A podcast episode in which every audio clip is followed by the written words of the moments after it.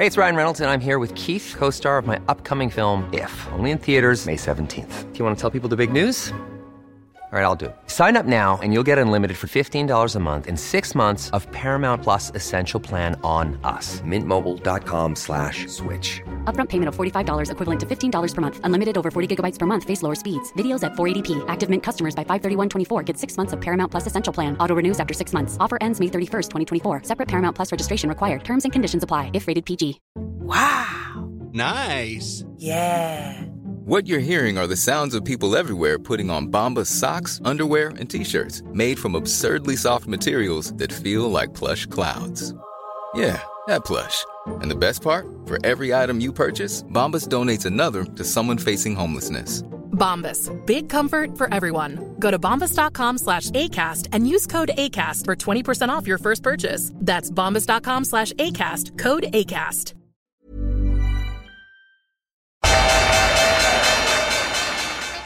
They mistook leverage for genius. Leverage for genius. I would recommend Japan. The governments don't rule the world. Goldman Sachs rules the world.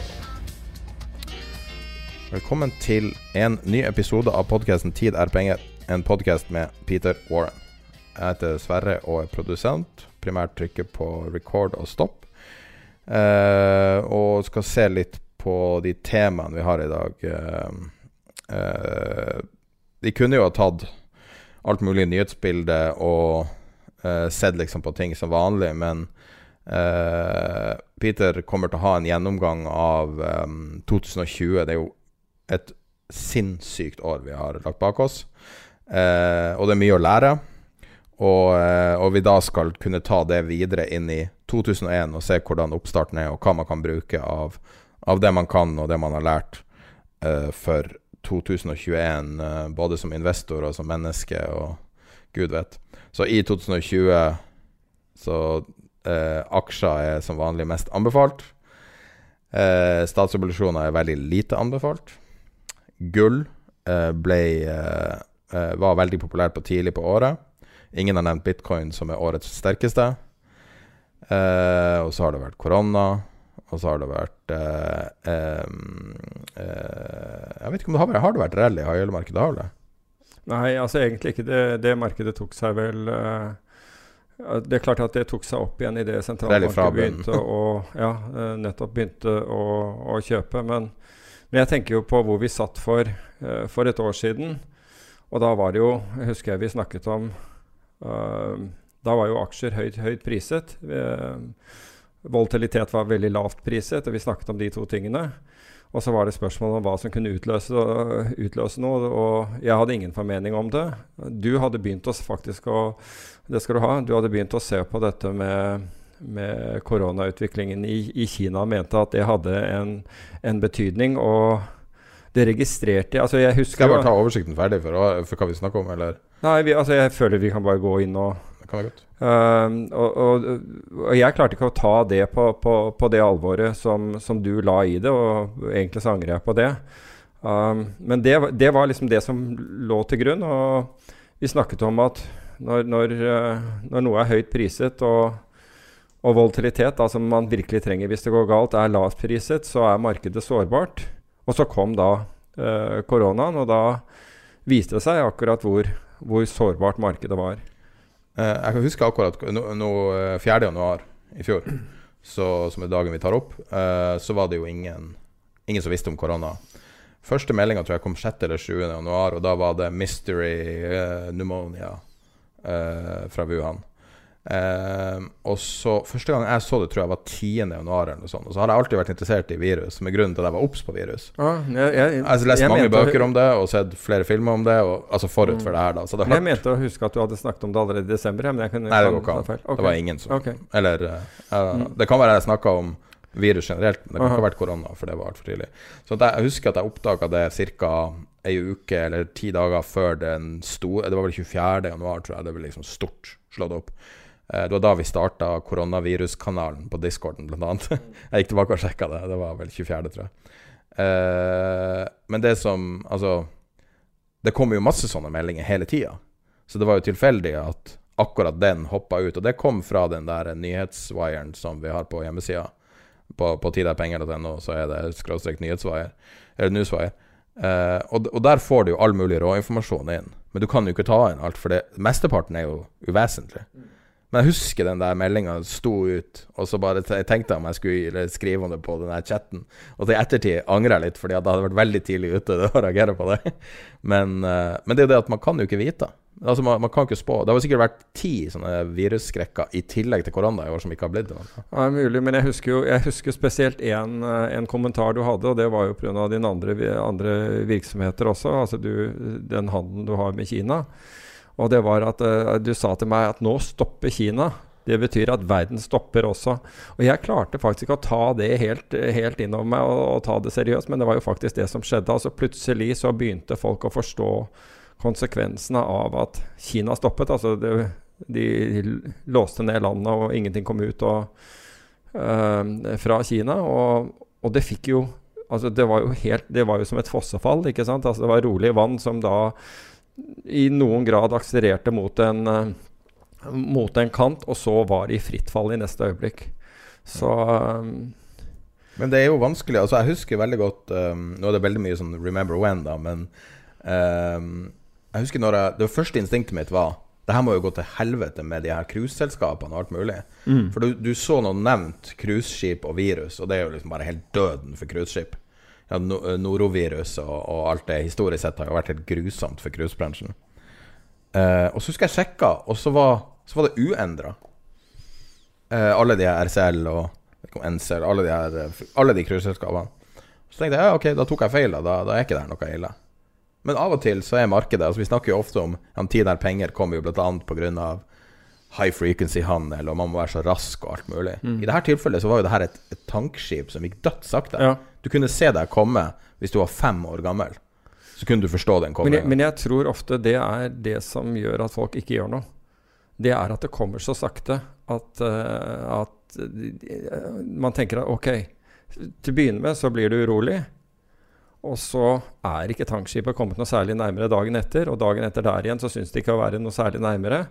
Selv om det siger mot deg, og så bryr man seg ikke om det. Og det, og det syns jeg har vært forløperen til veldig mange kriser. Bl.a. 87, ikke sant, som det også var et sånn tankskip på, på, en måte. Du hadde sett det i måneder før. Men, men hvis man øh, For de få og jeg var uheldigvis en av dem som, som, trodde at noe kunne skje. Jeg hadde ingen, ingen formening om at, uh, at, det skulle bli et krakk, men jeg hadde en, en, ganske klar formening om nedgang. Du ble jo latterliggjort ikke sant? Hvis du, uh, hvis du, var hvis du i september mente at, at dette kunne, kunne, skje, kunne skje, eller i, august, så ble du latterliggjort. Uh, så da var det jo Og det var jo tankskipet. Mm. Så har du hatt andre ting som ikke har vært som tankskip. ikke sant? Og dotcom var jo ikke det, for det gikk rett opp og rett ned. og for så vidt bitcoin da den traff 20 000. Dotcom var vel to år, var det ikke? Jo, ikke sant. Altså, ja, det, det, det dro rett opp, og så plutselig eh, ga det seg. Og så begynte man å gi ting som 9-11-skylden, men var, da hadde jo allerede eh, ting vært, eh, vært i fritt fall. Eh, det starta vel med uh, Netscape-IPO-en var vel det store. 95. Ja, det er mulig. Det er, det er mulig at det, den var det som satte det i gang. Den rippa sånn 100, 100 første dagen ja. eller noe sånt. Også. Og nå er jo det helt vanlig. At ting ripper 100% det er jo liksom, er, Vi har kommet til en sånn merkelig tid, men, uh, men, men poenget, poenget, mitt er jo egentlig og, og, dette sa vi jo for et år siden også. Vi aner ikke hva. Altså, aner ikke hva det er som, som utløser noe. Pro problemet er at hvis markedet strukturelt, strukturelt ikke er, er usikkert, så, så, får det konsekvenser når, når det er noe. Da, da, blir konsekvensene større når, når, når, det er noe.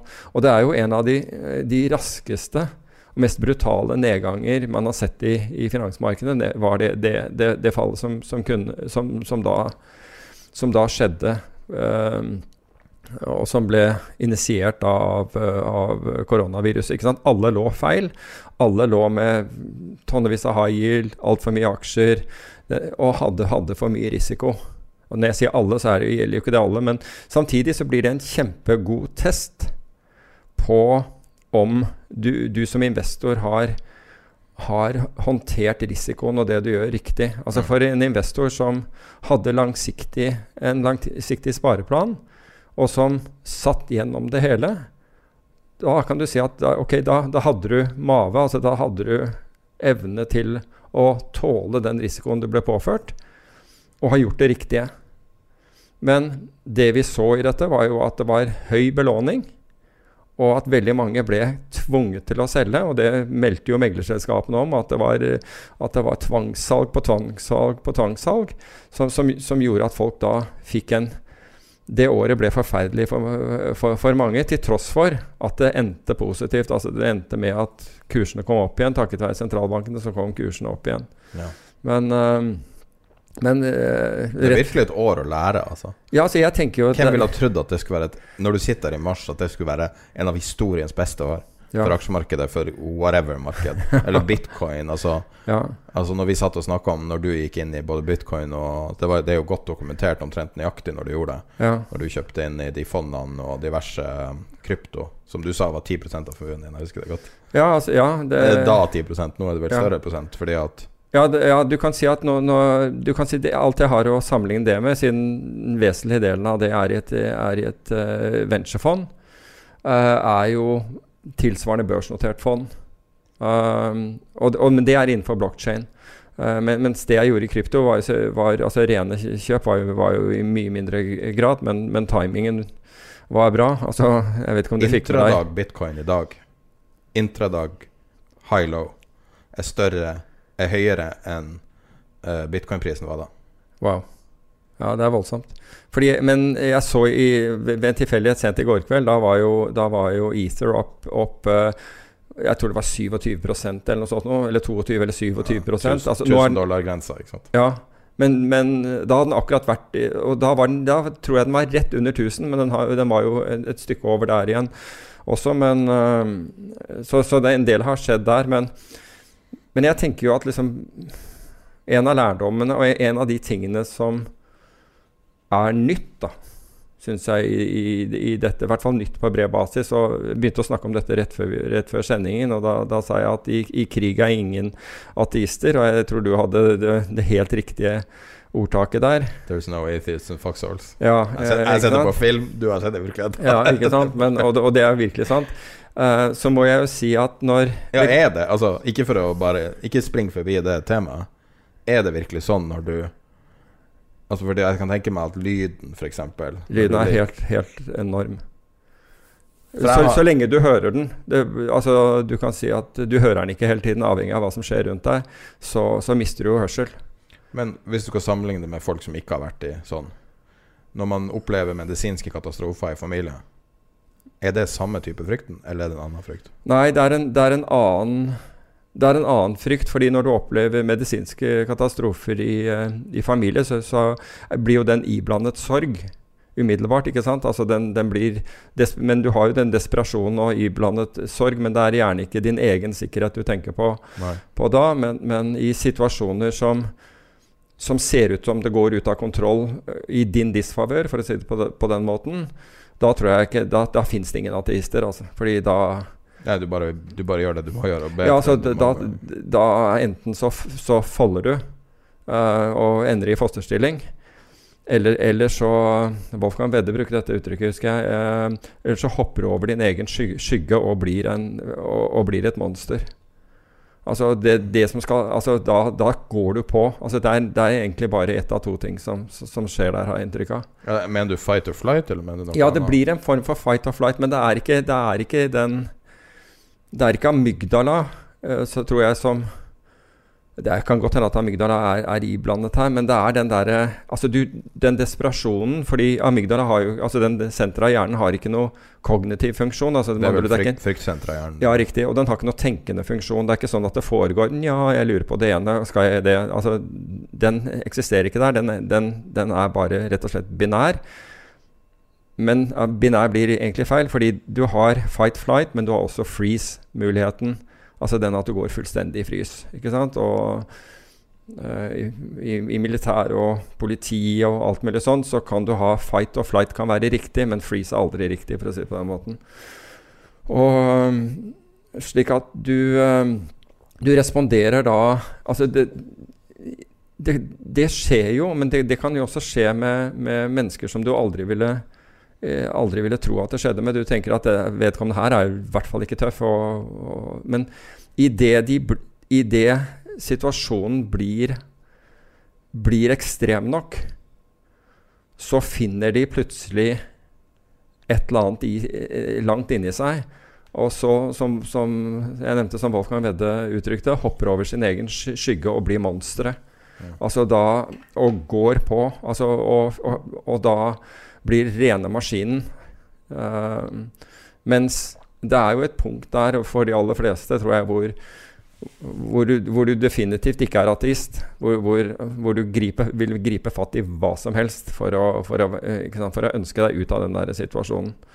Så, um, for oss som ikke har vært i krig, har du sett uh, TV-serien Band of Brothers? Nei, jeg har bare sett enkelt uh, klipp fra den, så jeg har aldri sett en full episode. Anbefales på det sterke. Altså, ja, det er mange, mange som sier det. Ja, altså, og da ligger de i en skog. Det det, når du beskriver det der, så, så er det mest håpløse situasjonen som, altså, Prøver bare å forstå hva du sier, liksom. Uh, og da ligger de i en skog og blir uh, bomba kontinuerlig i en hel vinter. Oh. Og de ligger liksom i en frossen skog og prøver å grave seg ned.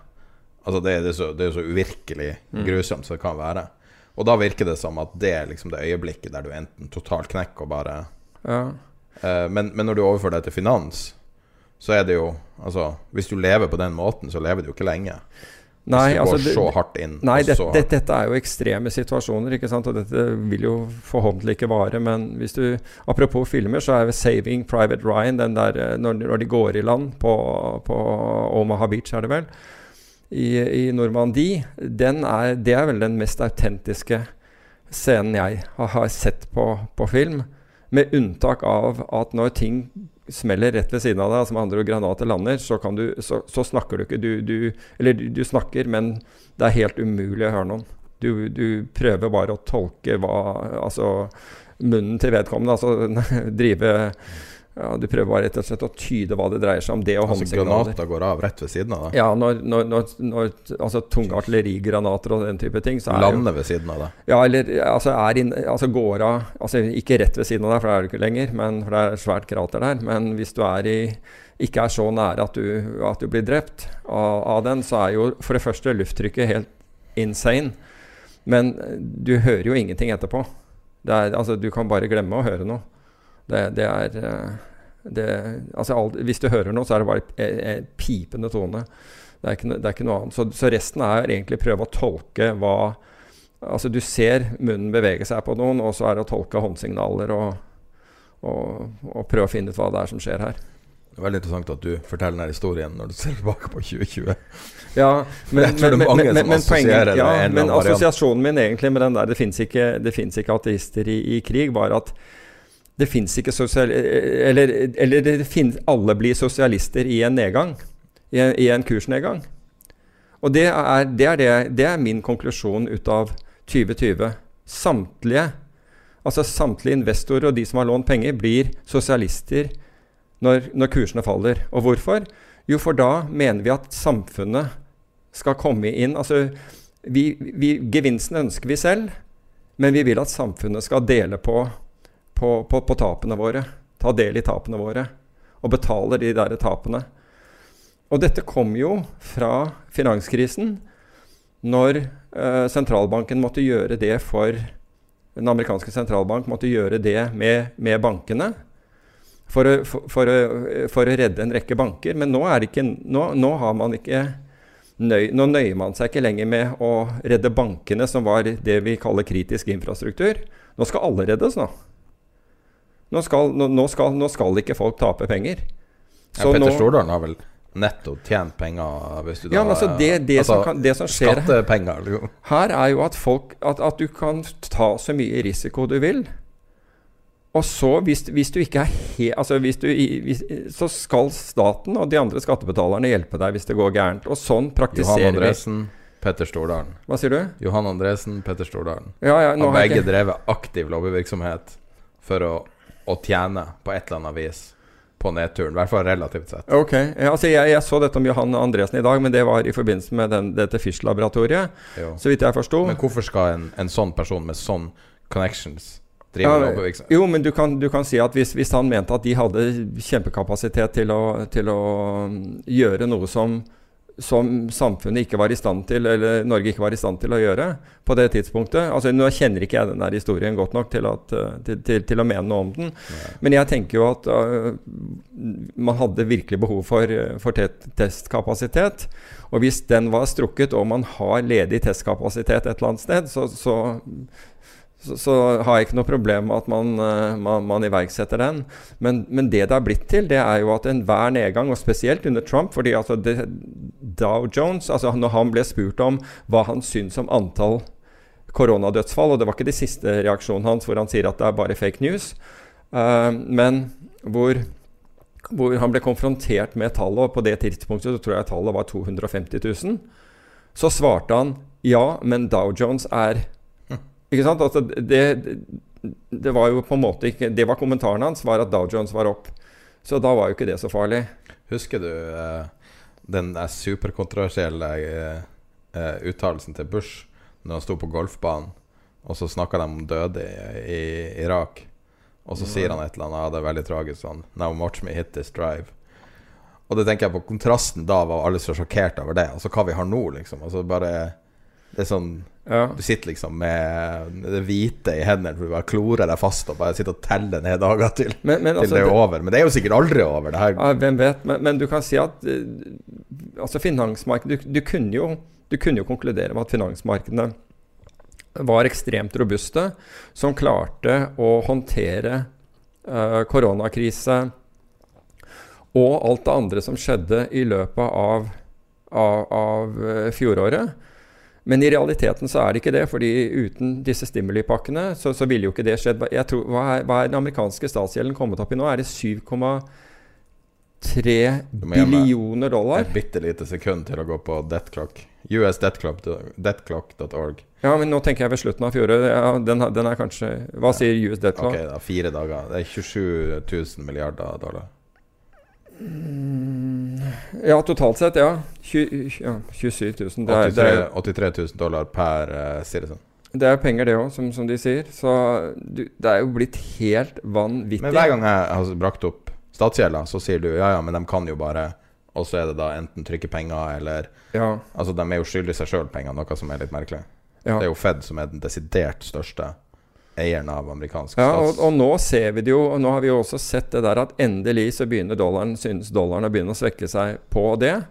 Det er første gangen i historien, tror jeg. Det er første gang i historien, og jeg lurer fortsatt på om, om, om den kommer til å fortsette å gjøre det. Fordi de andre, altså de landene som du vanligvis måler mot, de driver jo også med kvantitative lettelser. Ikke sant? Ikke minst ta Japan, f.eks., hvor yen stiger mot dollar i øyeblikket. Det er jo, de har jo gjort enda mer av dette her. så så, men jeg vet ikke. Men, men poenget mitt er at, er at, det å Altså, man, man kan lett trekke konklusjonen at finansmarkedene var robuste til, til, å, til, å, tåle dette. Men i virkeligheten altså hadde, ikke, hadde, man ikke steppet inn og begynt å kjøpe verdipapirer, som en rekke sentralbanker gjorde, så hadde, så hadde vi ikke endt eh, 2020 på, med, med positivt fortegn. Det er i hvert fall helt sikkert. Hvor vi hadde ligget da? Hva sier du? Hvor vi hadde ligget på SMP, f.eks.? Nei, altså jeg, jeg tipper, jeg, Vi kunne godt hatt en halvering av den. Kanskje mer også, for den saks skyld. Men uh, du kan si at altså, hvis du ser på hvor vi var Altså, vi var, høy, vi var høyt priset, vi hadde høy gjeld allerede ved inngangen. Og vi hadde forventninger om uh, en høy vekst. Altså en virkelig økning i veksten. Og det vi fikk, var jo da covid som, eh, som gjorde at man økte gjelden ytterligere, og veksten falt. Så du kan si at alt, alt lå egentlig til rette for at det skulle bli ordentlig nattsvart i finansmarkedene. Men så valgte man da å, å gjøre tiltak som først og fremst styrket finansmarkedene. fordi altså Nå får vi se hvordan Biden tar det. Jeg, jeg, er ikke så sikker på at Biden følger Jeg tror Biden kommer til å trykke penger også, for all del. Uh, men jeg tror at kanskje at det blir mer rettet uh, mot, mot, forbrukere og, og infrastrukturprosjekter enn en finansmarkedene. Fordi jeg syns jo at man har fått Altså annet enn formuende mennesker har fått fryktelig lite ut av de pengene som er trykket og brukt. Ved inngangen av året så var balance-sheeten til Fed Nå er jeg på Fred, altså St. Louis Feds hjemmeside, som mm. er en fantastisk statistikk, hvis du ikke kjenner. Eh, på inngangen av året, altså når vi satt her for et år siden, så var det eh, Nå må jeg se det riktig her. Altså det var fire Det her er i millioner dollar, tror jeg. Må jeg bare dobbeltsjekke at jeg ikke sier feil. Det var fire, altså 4000 milliarder dollar. Ja, billioner. Mm. Ja, og så endte vi på Jeg mener at vi endte på 7,3 eller noe sånt. Ja. 7,36, ja. Og ja. ikke bare endte vi vi hadde Det, det pika etter altså starten av korona på 7,1, falt tilbake til litt mm. under 7, og så krøpet opp gjennom hele året. Jeg vet ikke akkurat hva det er som er Hva som har skjedd eh, mot slutten av året. Har det vært kontinuerlige kjøp, eller? Ja, det har jo vært det, for all del. De, har, de, økte, jo, de økte, jo, på, så men, men, det er jo interessant å, å, også å se, da. Altså når, når vi, vi, tenker på at Hva hadde man gjort forut for 2020? Jo, til tross for at det var høyt priset, så var obligasjoner relativt lavt priset. Så man nedprioriterte obligasjoner.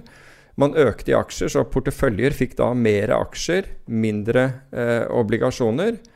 Um, og så falt riktignok renten ytterligere, men Eh, og, og, så var det mange som tok og plasserte obligasjonspengene sine tok de vekk fra statsobligasjoner og puttet de i, i, i, kredittutsatte obligasjoner. Altså være, være, seg, uh, være, seg, investment grade, som er høy kredittkvalitet, eller high yield, som er vesentlig lavere uh, kredittkvalitet.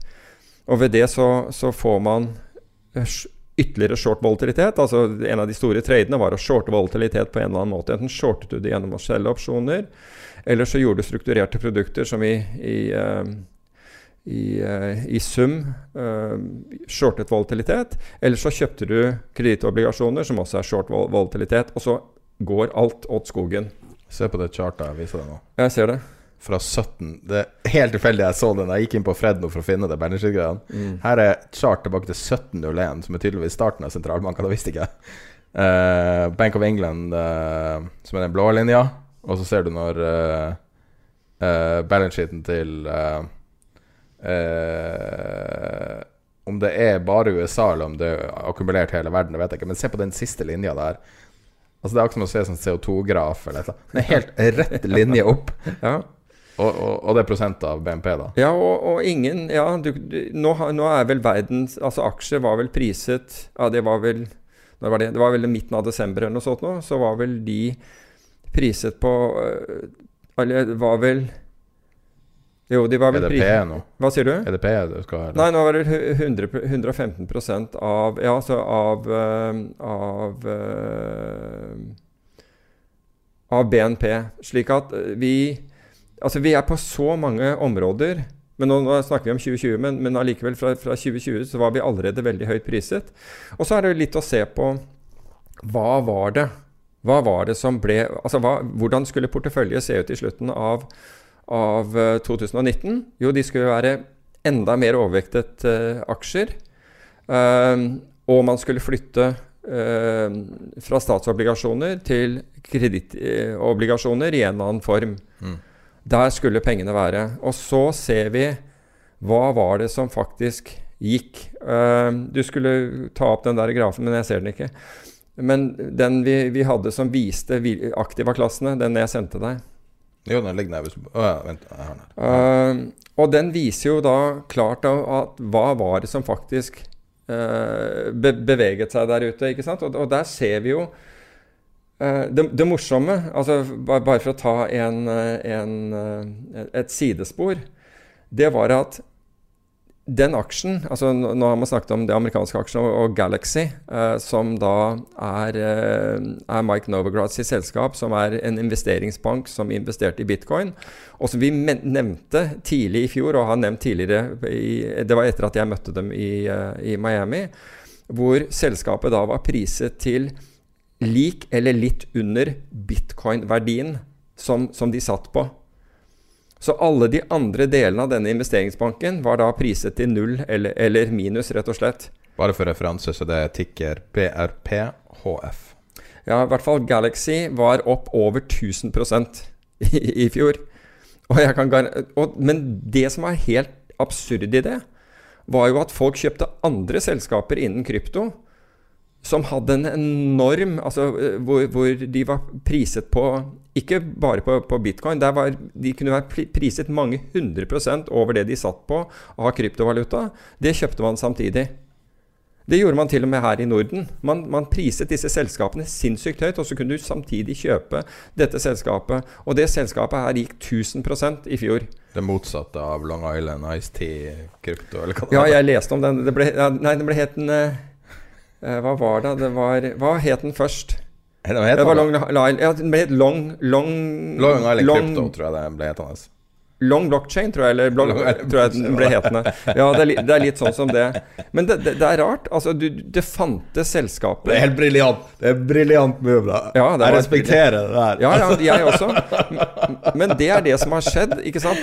Long er, blockchain corp. Altså long block... Ja. det er fantastisk. Ja, hva var det? det gikk jo noe helt fryktelig på det der. Det var 800% eller noe sånt. Da. Det var noe helt sykt. Men den ble jo delista som følge av det, tror jeg. Så, eller ikke så lenge etterpå. Så er, ja, jeg, jeg trodde det eksisterte fortsatt, ja, men det har jo hatt en rocky road siden. da ja, altså De fikk ganske mye trøbbel av det der, men uh, Ja, ja. Men, men poenget, da Det gikk jo hundre ganger eller ti ganger. Men, men, men poenget altså, Der lurer jeg på hvor analytikerne er. Når det finnes selskaper altså Hvis du først skulle inn i krypto, og det finnes selskaper som er priset lik den kryptoandelen de har, eller lavere, og så går du isteden og kjøper et selskap til mange ganger det de, de sitter på med, av, av, av, av kryptovaluta, da lurer jeg på altså, og det har skjedd også her i, i, eh, i, i Norden. Det, er, det, var, jeg slutter aldri å undres over hvordan, uh, hvordan, analytikere, fordi det er gjerne drevet av analytikere og meglere, dette her, hvordan de, hvordan de ser, på, ser, på, verden. Altså at de kan Hvordan analytikere ser på verden? Ja, altså, du, vet, du, vet, jo ja, svaret. Ja, nå i det siste har det jo kommet frem ja, men du vet jo svaret. Ja, at, at, de, eh, at de blir betalt for analysene. Det var en interessant sak. Jo, men altså ja, Men du trenger ikke å ha en sånn sak. Du vet jo at de er markedsføring. Jo, men, men, markedsføring av meglerhuset. Men altså, jeg lurer på sånn hva er, hva er sannsynligheten for at den analysen er objektiv, når, et, når du har gått til et selskap og, og sier du vi kan lage en analyse øh, på, på, på selskapet ditt, og vi skal ha jeg vet ikke, en million for det, eller en halv million, eller hva de, hva de tar seg betalt. Jeg har ikke peiling på den der, så det kan godt hende at jeg blir, tar helt feil. Jeg jeg har ikke lest det. Men for det første, det selskapet vil aldri betale for en analyse som, som, som, vil være negativ. Det er de ikke interessert i. Så jeg er temmelig sikker på at det selskapet vil på forhånd være helt sikker på at, at, de får en positiv spinn. Men Hvordan sak er det du refererer til? Eh, den var i avisen nå eh, Det er vel bare et par uker siden. Det. Ja, ja, men da, hvordan selskap det dreier seg om, da? da eh, nei, det, ja, det er, det, er, det, er, flere av de store meglerselskapene eh, som, som gjør dette her. Og, altså, det er jo kjent, det er jo kjent mens, praksis mens noen har sagt at det gjør vi ikke. Noen sier at det, det, vi gjør ikke analyser på den måten. Mens andre Og her står det dette er, dette er ikke noe jeg vet fra fordi jeg kjenner noen, eller et eller annet sånt. Dette her var opp og, og vedtatt. Og det ble også stilt spørsmål ABG Sundal øy, uh, hev, um, ABG Sundal øynet heftig oppside i Aksaktor i en analyse sistnevnte selv betalte for. Mm. E24 for to dager siden. Men på basis av det så ble det da eh, stilt spørsmål til flere meglerforetak om de egentlig drev på, den, eh, drev på denne måten. Um, Interessant at uh, den korreksjonen i artikkelen her, som jeg syns sier alt okay. står det E24 retter. I en tidligere versjon av artikkelen het det i tittelen at ABG hadde solgt en positiv analyse. Dette er ikke riktig. Uh, betalte analyser har ikke forhåndsdefinerte konklusjoner. E24 beklager feilen. Det er sånn, det er mye, ja. det er mye i den uttalelsen. ja, det, er ja det, det, har vært noen, det, har vært noen, det har vært noen telefoner fra noen advokater der, tror jeg. Uh, men, ja. men allikevel altså, Men jeg, jeg tenker jo uh, ja, hva åh, det er et Aksaktor er et uh, inkassoselskap, så det overrasker meg. Ja, ja, men, men det er det, å, jeg må bare huske det der uh, sitatet til Apten Sinclair. Um, You can't get a man to understand something if his salary depends on him not understanding it. Det var amerikanske forfatteren Upton uh, Sinclair sitt uh, Ikke sant? Og, og, det går tilbake til altså, Hva er sannsynligheten for at det er fullstendig objektivitet?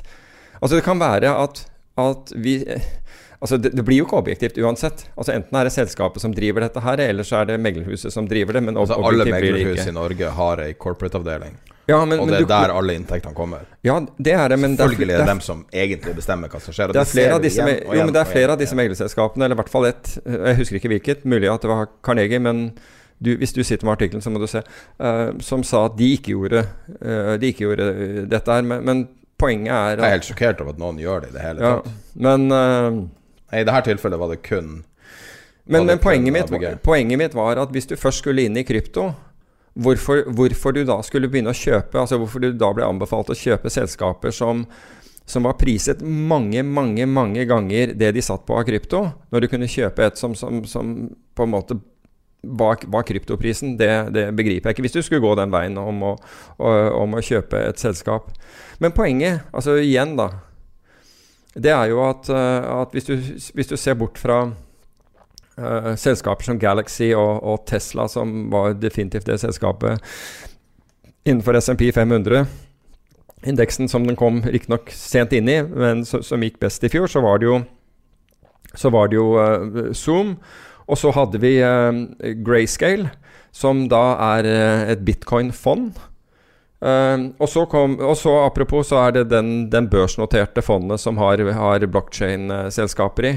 som, som Ja, den gikk 96 men, men poenget er at du så ikke en eneste anbefaling i hvert fall ikke som jeg leste i fjor, på uh, altså ved, ved, ved, inngangen til fjoråret, eller året før for den, den, saks skyld, hvor man skulle ha noe som helst av dette her i porteføljen. Og, det, og, og i løpet av året så ser du at du har fått uh, custodian, altså solide custodians, altså banker som er villige til å gjøre custody, som er depotmottak depotmottak for, for krypto, og som har gjort det Og vi ser institusjoner komme. Og i Pantera så har de til og med fått et, et, et Sovereign Wealth Fund, som på norsk heter statlig, statlig investeringsfond, som har, som har kjøpt seg inn. Så uh, i, i, krypto jeg, De sier ikke noe om, om størrelsen, det, det, behøver ikke være, være, så stort. Men vi har sett institusjonelle investorer, vi har sett uh, Paul uh, Tudor Jones, vi har sett Stan Druckenmiller, vi har sett liksom mange som nå har, har tatt en andel der. Og jeg tenker at, at hvis du har La oss si at du har 5% da som, som, sikkert er mye. Hvis du har 5% av, av, av, pengene dine, og dette halverer seg, ok, da taper du 2,5 av formuen din.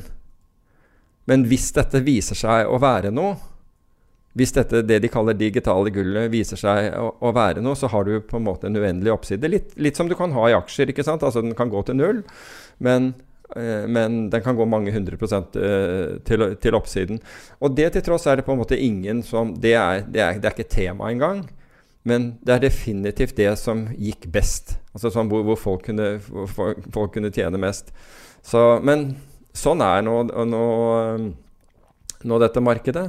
En annen ting som, som skjedde, da, midt oppi den, den, covid, og som du fikk ingen oppmerksomhet, på, oppmerksomhet på i det hele tatt, det var jo at under den tiden så, så, var det jo store fluktuasjoner i, eh, i, i, amerikanske statsobligasjoner.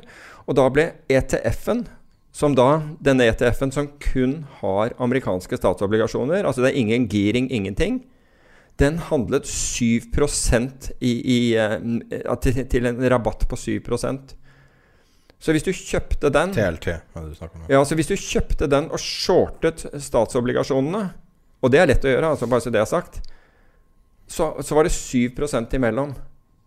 Det er vel nærmest man kommer gratis gratisopsjoner? Ja, det er, altså, det er i hvert fall en ganske risikofri arbitrasje. Det som kan skje, er jo selvfølgelig at den spredden gikk ut enda mer. Men liksom 7% forskjell kunne du få der. Og så begynner folk å si at uh, high var priset Hvor mange tror du gjorde det? Nei, jeg, jeg, tror The Smart Money nok, nok, gjorde det, men i den perioden så var det jo Det kom litt an på hva slags posisjoner du hadde på forhånd, tror jeg. Kan vi snakke litt om Smart Money? Ok. Uh, det er ikke planlagt på forhånd, men du har sikkert sterke meninger om det, så jeg tror ikke det er så vanskelig å mm. uh, Vi har jo en liste over ting vi skal snakke om.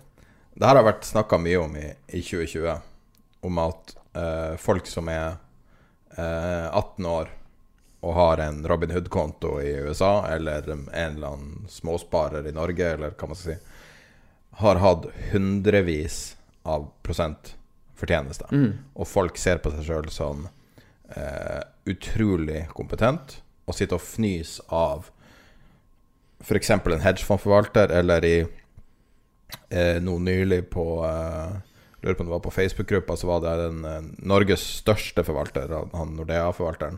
Mm. Eh, Robert Ness. Ja, forvalter 300 milliarder, eller hva det er. Mm. Sitter og fnyser av at han tar betalt for eh, Tar betalt for å forvalte, og at, at, folk har tjent så mye på gira bets på egentlig hva som helst, fordi alt mm. har gått opp. Og så hvis man har tatt større risiko, så har du tjent mer. Uh, og så sier de ja, smart money er ikke så smart, og blir liksom hedgefondindeks blir knust av uh, Robin Hood-investorer. Mm. Hva er det et syn på? Nei, altså jeg tenker jo at, uh, at, at, det er et tegn i tiden. Det, det forteller litt om den, den, spekulasjonen som er. Og mener, du, du, har jo et lignende eksempel. altså Robin Hood og, og Norwegian har jo mye, mye, til felles, egentlig. altså det er, det er, samme type investorer, tror jeg, som, som, driver, altså, som driver, og kjøper i, altså som er Robin Hood-investorer investorer i USA, altså som bruker det meglerselskapet, som, som, er de som på en måte kjøper Norwegian her. altså Det er samme type. ikke sant? Altså Vi vet at den er, er overpriset. Men det spiller ingen rolle, fordi du regner med at noen andre altså det, det, det fluktuerer, og det er spennende, og, slik at du bryr deg egentlig ikke. Og, Det kan jo være en billig, billig opsjon på det, men hvis vi ser tilbake i historien, og det er ikke alltid historien gjentar seg, fordi når, så lenge vi er villige til å uh, sosialisere tapene, som jeg, som jeg uh, var inne på i sted, så, så, blir det på en måte en litt annen uh, premiss. Men hvis du ser på, tilbake i historien, så har jo disse blitt knust når, når ting har gått den andre veien. Og når jeg leser at 98% av disse Robin Hood-opsjonstraderne taper penger, så er det klart at det begynner Det har nok begynt å, å, å kjennes på lommebøkene der også. At det er ikke så lett å, å tjene penger som de, som de, trodde. Men du får det. altså Det fikk du jo veldig inn i det der idet folk begynte å sitte hjemme. Så begynte man å liksom Da økte jo netthandelen voldsomt, og jeg tror det var Med mener nettradinga, altså? Ja, ja. ja unnskyld. Eh, tradingen eh, på, på, nett. Og mange flyttet og sa at det var den nye sånn gamblingen. Altså de gikk fra å spille poker til å, uh, til, til, å investere. ja, det var spesielt tidlig på året når det ikke var idrett. Ja, og, og Vet du hva folk drev og gambla på folk som spilte Fifa på PlayStation sin? Og så, så, så, var det noen som satte opp to algoritmer som spilte mot hverandre, og så at folk har gambla på resultatet. Det er 100 tilfeldig wow. ja, ja. utfall når to uh, eh, AI-er spiller mot hverandre. Ja, jeg skjønner. Det var jo, men det var jo den perioden da du så en, ja. Da han David Daytrader som tok helt av tidlig på året, som har kanskje forsvunnet litt mer nå. Han, uh, han, er, han er jo sjef for et bettingselskap. Akkurat. Det. Er det det Barstool-greiene? Uh, det er selskapet? Ja. Barstool Akkurat. Sports. Akkurat. Um, jeg driver ikke og, og, og kjører, kjører, bets. Men de som virkelig kjørte bets, da, det, det skal de ha, det var jo, det var jo uh, marketmaker-foretaket Susquehanna, som var villig til å stille priser på, på, det amerikanske valget. Inntil 100 millioner dollar kunne du ta ta i posisjon mot dem. Uh, da, da, det kaller jeg å stille opp og, og, se en mulighet, for det der skal hedges på en eller annen måte. Altså. Men uh, de kom sikkert godt ut av det, for det, det er ekstremt smarte mennesker i uh, Saskahana. Smarte folk i uh, eh, LTCM også? Ja, det var Ja. Ja. Ja og nei. Det var, det var Det var noen veldig cerebrale personer i LTCM, og så var det noen med uh, høy markedskunnskap, altså Meriwether, men som hadde vært gæren uh, noen ganger tidligere i livet og en gang etterpå, hvor det ikke har gått så bra. Altså John Merriweather fra, fra Salomon Brothers. Men så hadde du Hoofsmith, og du hadde en e, e, gjeng av de der andre som, som nok var gode tradere, men hele Altså hele konseptet deres hang jo sammen med, med eh, matematikk eh, som Uh, Myron Scholes og, og, og, Bob Merton sto, sto for. Men, vi, men, bare for å Men det var teori, var det ikke det? Jo, ikke bare var det teori, men den teorien hadde feilet ved et par andre anledninger også. Ja. Ikke sant? Altså den, den opsjonsteorien, altså Black Scholes som vi bruker, som da forutsetter ubegrenset likviditet og at du kan handle på enhver kurs, altså med andre ord at det ikke er hopp i kursene, og at, og at børsene er oppe 24-7. Um, og det la man til grunn. Og det er klart at da, da sliter du litt i utgangspunktet. Um, når du da girer dette her 60-gangeren, da, da, blir da, blir det litt vanskelig. Mm. Så, så, så, så, det er ikke som om LTCM ikke kunne feile, føler jeg. Når det gjelder Saskohanna, så har de vært rene marketmakere. Uh, altså tilbake til det jeg kan huske. Sitter, hovedkontoret var i Philadelphia. Jeg lurer på om de ble kjøpt av Goldman eller et eller annet sånt på et eller annet tidspunkt. Ja. Men um, Jeff Jazz, som, som uh, var poker og Han er mest kjent for poker, men også blackjack-spiller. Uh, det, dette er folk som har håndtert risiko hele veien. Jeg husker jeg var og besøkte dem i, uh, i Philadelphia. Det var vel i Når kunne det vært? da? 80 86 eller et eller annet sånt. 1986. Mm. Og de lå så langt foran da, sammen med Tom og, som, som, i dag uh, eier uh, Interactive Brokers. Og, som hadde en veldig spesiell uttalelse i går eller forrige år. ja, jeg så den, den der Sa at kundene hans var nettshort for ja. første gang noensinne. Ja. Og det er ganske sofistikerte kunder som Altså det er ikke alle som er det, men det er en betydelig ja, altså jeg, jeg, jeg, så den At du nevnte det på, på den Facebook-gruppen. Og Tom Petterfee er en smart fyr. Det er ingen tvil om det. Det er ikke det at det er han, hans smartness her. I, han fant opp tablet. Gjorde han det? Ok. Mm. Men altså tablet. Ja, jeg, jeg, har fortalt når jeg møtte han i uh, Jeg var jo på kontoret hans i World, uh, World Trade Center. Og jeg fikk jo en dag sammen med han. Og det var helt rått. Altså, jeg var så heldig å, å få det. Uh, og, og, han styrte da opsjonspriser på alle børser i USA. så han, han, stilte som market maker på alle børser og hadde den mest sofistikerte teknologien som var. Uh, det, var, var helt, det var helt rått. Det er helt rått. Så noen ganger er man vir virkelig heldig med med, med, å kunne treffe mennesker. Men ja, Ungarn har en tendens til å generere uvanlig dyktige finansfolk. Ja, men han hadde, han hadde, også en veldig god venn i Norge. Okay. Som var finansdirektør i Norsk Veritas. Okay. Miklos Konakli TG. Så um, Som jeg for øvrig var og hoppet fallskjerm med når han gjorde sitt første, eller eneste så jeg vet, jeg vet, da gjorde han et tandemhopp. Miklos. Jeg kjente han fra før. Men uh, han uh, gjorde det oppe på uh, Oppe på Østre Æra, på Rikssenteret for fallskjerm, husker jeg. Og skadet dessverre kneet sitt i landingen. Men, uh, men Miklos uh, hvert fall var, de var barndomsvenner. Så Jeg tror Thomas Petterfie fortsatt jobber fulltid. Han er 76 år. Ja. Han virker å være rimelig aktiv i det operasjonelle. Ja, han Jeg husker at han tok fri da kona fødte, tror jeg det var. Og kom tilbake igjen på jobb, og det, hadde, det var en ekstremt dyr fødsel. Altså det, hadde, det hadde kostet mye penger. Det var liksom en ordentlig adverse move den dagen, dessverre. Så, men han tok det jo igjen til de grader, så han solgte jo han solgte jo selskapet sitt. Jeg vet ikke, Det var som overtok Timber Hill, er ikke det Det er vel en del Nei, marketmaker-delen av Timber Hill var inne i Interactive Brokers en periode, men så ble den kjøpt av uh, det amerikanske hedgefondet Two Sigma. Så um, nå er vi ganske langt ute på vidda her. Ja, det gjør noe litt, ja. Men vi, jeg, har nøyaktig, eh, jeg har nøyaktig exit. Du må dra klokka 15.04. Okay. Jeg sjekka. Google Maps nå. Men å gå tilbake igjen til eh, Hvis vi går tilbake igjen til, til markedet og alt som, eh, som, skjedde, da, så var det jo det så, Altså, når du tenker deg at uh, Ja, du har sortert den her på uh, ettårsavkastninga altså. Jeg vet ikke om du er klar over det? Ja, jeg har det. Ja. ja. Så, så det er interessant. Du kan jo se nederst også. Ja, hva som var, var nederst der? Ja, altså Nicola ligger jo nederst, men den har jo ikke ettårsavkastning. Men det var Ettårsavkastning er et strek. Oil, oil, Services endte ned nesten 37, 37 uh, Oil, oil Services-indeksen. Og det, det, har man jo merket seg, eller merket i, uh, i, Norge, da. På tross av oppturen til Brent, så er det fortsatt ned fra året. Ja, ja absolutt. Så uh, men det, det, var jo egentlig dramatisk hvor, hvor, eh, WTI hentet seg inn da, fra å være minus Altså være 37 dollar. Minus 37 dollar. Det var det i år? Det var det i fjor, Nei, ja. 37,63. Jo, det, det skal jeg love. Jeg husker. Jeg husker, jeg husker det. Jeg satt jo og handlet den der dagen, og så gikk eh, og, Også min skjerm stoppet på null. Og så sto det bare og bevret på null. Og jeg skjønte ikke hva, hva, som skjedde, for plutselig så kom det jo headlines overalt med, med minuspriser. Mm.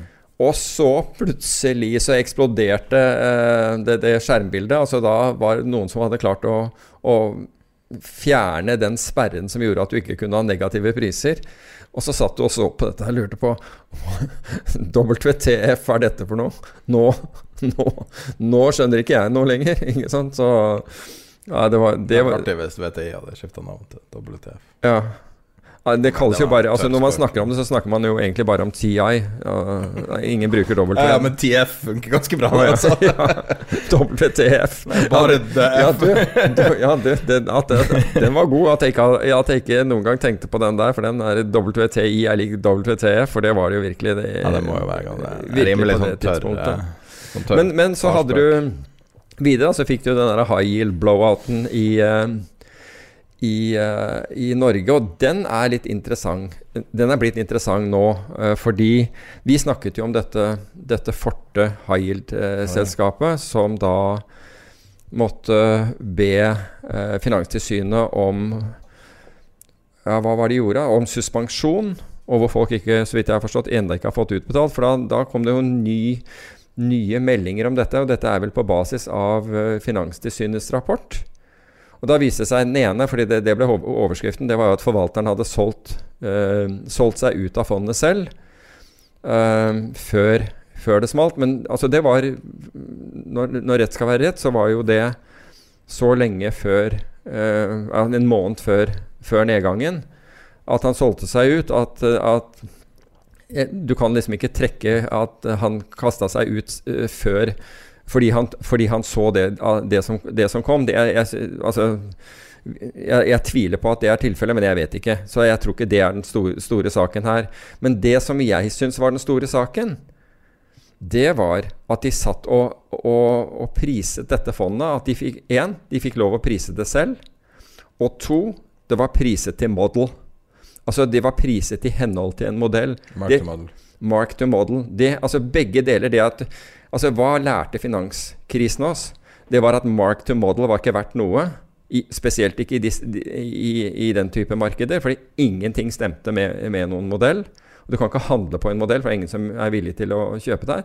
Så hvis ikke Finanstilsynet har da sittet fordi du må jo på forhånd når du skal få et fond godkjent, så er det jo en, hel rekke ting du skal, uh, du skal svare på. Så da lærte med andre ord ikke Finanstilsynet noe fra finanskrisen, hvor de selv kom og var klar over at det var ekstrem forskjell i prising av de samme obligasjonene hos forskjellige eh, for, forvaltere i, i, Norge.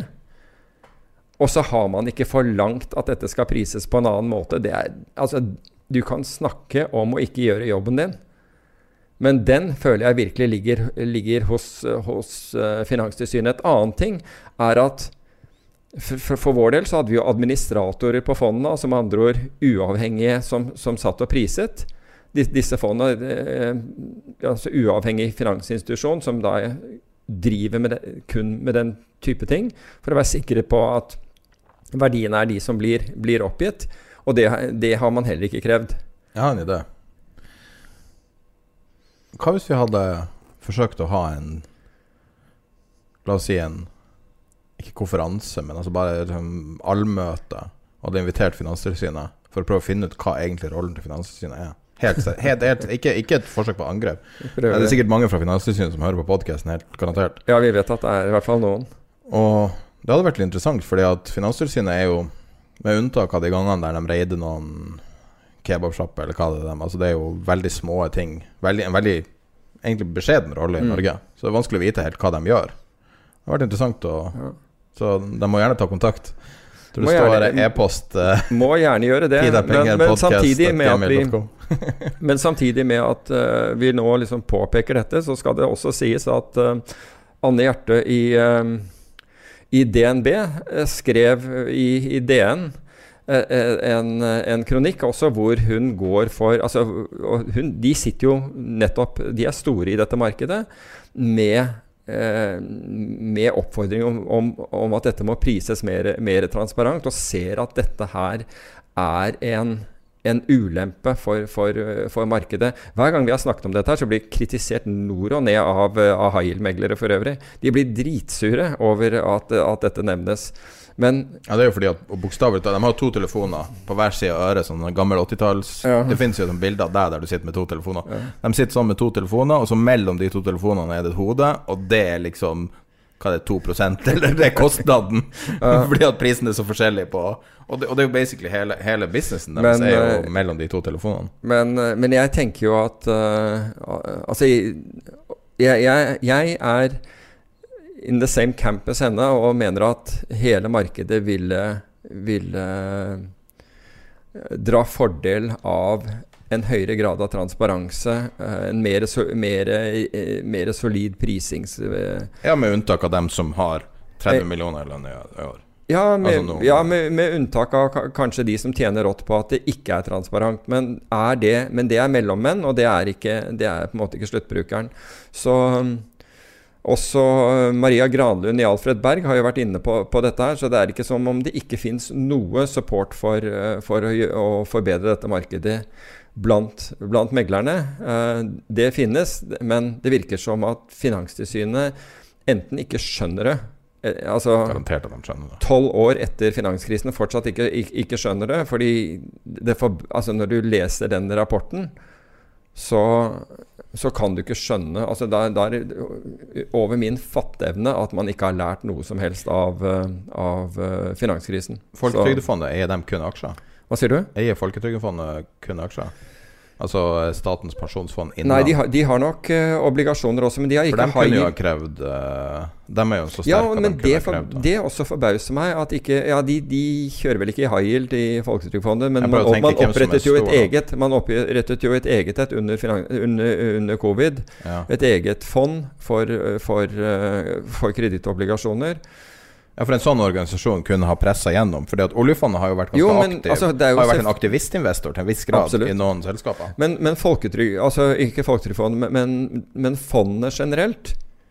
Men det er, altså av og til så er det for tette bånd. Altså mm. De er for nære hverandre, det, det, dessverre. Men eh, det er klart at det er investorene Hvis de store investorene forlanger noe, så skjer det gjerne. Da, altså, for hvis de sier ok, hvis ikke dere tilbyr det, så handler vi ikke med dere. Og det er jo det som skjer i utlandet, f.eks., og hvorfor Goldman og Morgan Stanley og, og, JP Morgan og disse her får mye business. Det er bl.a. fordi de stiller opp som market maker også. Og der sier kundene at, uh, av de store institusjonene at greit, vi handler med dere, men da, da, da må dere drive markedspleie, slik at vi kan, vi kan, komme oss inn og ut. Med mindre du ikke har et alternativ, sånn som både Goldman og JP Morgan forsøkte jo å, å, å skvise Bloomberg, og klarte ikke det. Ja. Så det viste seg at Bloomberg var sterkere enn dem to. De to mm. gigantene. Ja. Sånn at i alle tilfeller Altså hvis de er, har monopol, sånn som Bloomberg nesten har, så Og Reuter før dem. Ja, men altså det men, Reuter, men Bloomberg ødela Reuter-monopolet, så du kan si at eh, ingen trodde at Reuter kunne bli truet i sin tid. Nei, og det er jo litt tilbake og De skrudde jo opp priser og Men det er jo litt tilbake til 4.1.2020, når vi satt her, jeg vet ikke om det var akkurat da, men cirka da. Mm. Um, hvor vanskelig det var å spå hva som kom nå hvor ja. vanskelig det er å spå framtida. Ja. Og jeg vil ikke bare si at det er vanskelig, jeg vil si at det er ingen som kan det. Ja, jeg, jeg, er helt enig. Altså Det er mer sånn tilfeldig at du ser trender og, og den type ting. Det er jo nesten at du bare ser den første som ser i overskrift, liksom. Mm. jeg spår det. Ja. Og så hvis du er eh, paranoid, så kanskje du, kanskje du kan se flere nedturer à la Churchill, liksom. Altså Churchill var jo depressiv, og derfor så han Hitler før alle mm. andre, liksom. Og Uh, sånn at jeg, Men jeg tror, ikke, jeg tror, ikke, det eksisterer noen som klarer å spå. Jeg tror ikke det går an å ha nok data til å Nei, altså noen gjør det nok bedre enn andre. Ja, det er de også kanskje dem som er litt mer forsiktige hvordan de ja. spår. Ja. Men hvis du skal begynne å si Jeg så en um, jeg, jeg, Vi har jo en ny side som vi driver og softlauncher nå. Mm. Tiderpenger.no. Masse masse ressurser der allerede, og det bygges ut og blir større og større. Uh, så der har du uh, ymse ting som uh, du kan bare klikke deg Den er ikke helt ferdig, så noe mm. vil fremstå uferdig. Men uh, Og der tenkte jeg å skrive en blogg, og det var basert på at jeg kom over et sånn fora for folk som var veldig skeptiske til liksom sånn konspirasjonsgreier rundt politikk og alt sånn. Så det er personer som naturlig er veldig skeptiske. Og så var det en som sa Hva tror dere kommer til å skje med Trump? Hvor fort kommer det til å gå til helvete med Trump? Og så Det var fire år siden, da. Mm. Og så sitter alle og spår. Og ikke én person klarte å være Det var én person som var litt i nærheten, men han, han var veldig forsiktig. Mm. Men ikke én. De var ikke i nærheten engang. Og det her var folk som man skulle tro kanskje hadde en litt sånn forutsetning for å kunne kanskje spå hva som kom til å skje. Og de tingene de snakker om, er ting som ikke er relevant lenger. Altså Ting som er for lengst blåst mm. over og borte og glemt. Og de trodde det var hele verden og sånn. Og, og da begynner jeg å tenke Jeg tror ikke noen kan spå. Altså Jeg tror i hvert fall ikke at man skal satse på at man kan. Jeg, jeg spår jeg, at ingen kan spå. Jeg, jeg, tror at det er bedre å du spår at Ingen kan spå. Ja. Det er den mest nøyaktige prognosen so, far this year. Men jeg tenker jo at eh, det er viktigere å ha en diversifisert portefølje. At man, man tenker i, i, eh, i, de baner. Og det vi gjør, er å gjøre det motsatte. Derfor har du 5 av uh, formuene sine mm. i veldig, veldig crazy ting. Ja. Sånn som bitcoin. Ja, men hvis vi bare går, går tilbake til, til, til, 2020, alt som skjedde. altså Tangen, altså Nicolai Tangen var jo på en måte Det storma eh, mm. godt en, en, en, periode. Og jeg må innrømme, i det der Altså I den stormen så er det jo interessant at eh, man, man, mater jo på dette med, med den lille andelen av aktiv forvaltning som altså, Eller maler og maler og maler på den lille andelen av aktiv forvaltning som, uh, som, oljefondet driver. Altså For det første bare at oljefondet klarer å holde følge med indeksen i seg selv, er godt gjort. Selv, og noe av det er fordi de låner ut uh, aksjer. Og det bidrar til å, å, å, skaffe dem inntekter som betaler for kurtasje og det vi kaller slippage, det at, man, det at du flytter kursen når du, når du handler selv. Men Nicolai Tangen kom jo da fra et, et, et hedgefond som har drevet med dette her i, i over tid. da. Så, så, du kan si at Så når man da først for det første kritiserer det at, at, at han er der, og, og istedenfor å se på hva han har gjort, og så glemmer man da å sjekke hans tall for å se at det er faktisk en som har er et godt eksempel på noen som har slått, uh, slått markedet. I tillegg så har vi Renaissance og, og, og en rekke andre. Men jeg er helt enig i kritikerne i at det er, er, ikke lett, og det er et fåtall som gjør det. Det er, det er jo helt opplagt at, at, at det er. Men, eh, men, det er litt sånn interessant oppi, oppi det hele at når man først kritiserte Tangen og kunne ikke forstå hvorfor man skulle ha en som da hadde drevet aktiv forvaltning inn der over hodet, så har han i hvert fall drevet aktiv forvaltning med et resultat som er vesentlig bedre enn enn den passive in, in, investeringsstrategien. Så det skal han ha. Det, best, det mest 2020-overskrifta, eller saken som skjedde, var, må være når Tangen hadde sin første uke på jobb og tok sånn sparkesykkel til jobb og ja. trynte og skada seg. Ja. Der har du 2020 komprimert inn i. Alt gikk alltid i 2020. Men jeg må, må jo si for egen, egen, del Altså 2020 var et interessant år. Jeg kan ikke huske er, Jeg skal virkelig mange år tilbake i tid for å huske at jeg har revet av muskler, eh, brukket eh, bein i kroppen og skada meg. Sysseskade hele tida. Ja. Men, men 2020, ja. 2020, var, var, jo, men 2020 tok, tok kaka. Virkelig. Den var eh, Det, det var, var et, et, uendelig sånn. Ganske interessant. Men Og så lærer man mye av det, da. Og så var jo 2020 var jo det som i Norge ikke var en stor sak, men som i Europa var en stor sak, med Wirecard. Men Financial fraud. Ja. Man tenker på han der uh, luringen, uh, han som uh, ble så kjent etter finanskrisa. Som var den første som på en måte spådde han Burry. Michael Burry? Ja. Mm. Og han sa jo at svindel gikk opp før krisa. Mm. Og så når man ser Wirecard nå, så blir jeg lure, liksom er det, For det virker jo så kort tid siden vi hadde finanskrisa. Liksom. Ja. Er, er, det nok syklus til at det er en nok en varsellampe at vi får en så stor svindel, og kanskje mange flere. Ifølge Jim Chanos så sier han jo Han sier jo akkurat det. Han sier jo at, at dette er tiden Altså, det er, dette er tiden for financial fraud.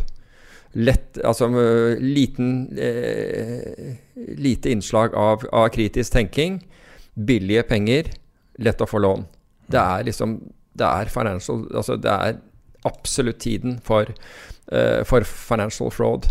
Og i den, i den, forbindelse så ble det jo også um, nylig uh, oppsummert uh, hvor bøtene til amerikanske meglerforetak, apropos det, de har betalt i løpet av de siste hva var det, de siste 20 årene har de betalt 192 milliarder dollar i, i bøter for, for, for, for lovbrudd. 192 milliarder. Hæ? 192 milliarder dollar. Det Amerikanske meglerhus, altså investeringsbanker, har totalt i de siste 20 årene betalt 100 år. 20 år? Det var i fjor. Nei, nei, nei. nei, nei. Har betalt 192 milliarder dollar i bøter. Og ingen av dem har mistet konsesjon eller noe, noe, slikt nå. Det er, altså, det er 102 Det er helt insane. Og det bare fortsetter. ikke sant? Altså Ta f.eks. Uh, eh, i fjor, hvor uh, da røyk jo Goldman på den 1 MDA-smellen. Uh, en MDB, unnskyld. MDNA, holdt jeg på å si. Men uh, MDMA. Uh, mens, uh, mens, JP Morgan gikk på den, en, en, kjempesmell på nesten en milliard dollar for å ha manipulert gullmarkedet.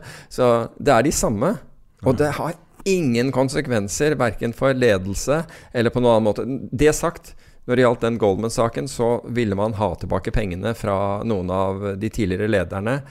Blankfine og, ja, Clawback. Og, og, og, ja, Clawback.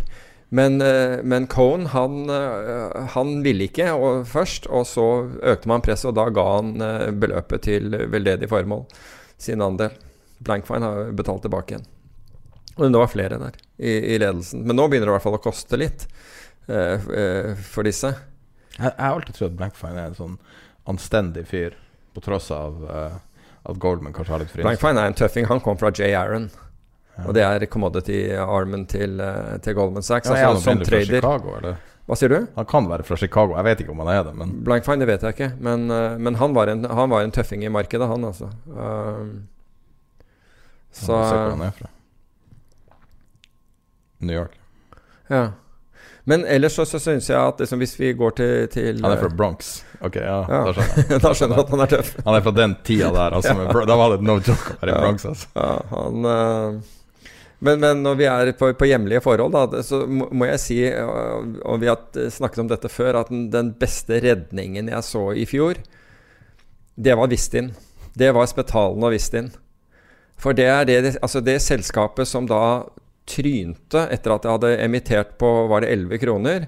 Så trynte på, på, på disse olje, disse IMO 2020, altså dette at man eh, skulle, gå, skulle ha renere eh, Bruke renere drivstoff i, eh, i, i shipping. Og, og, og, det skulle da inntreffe i 2020.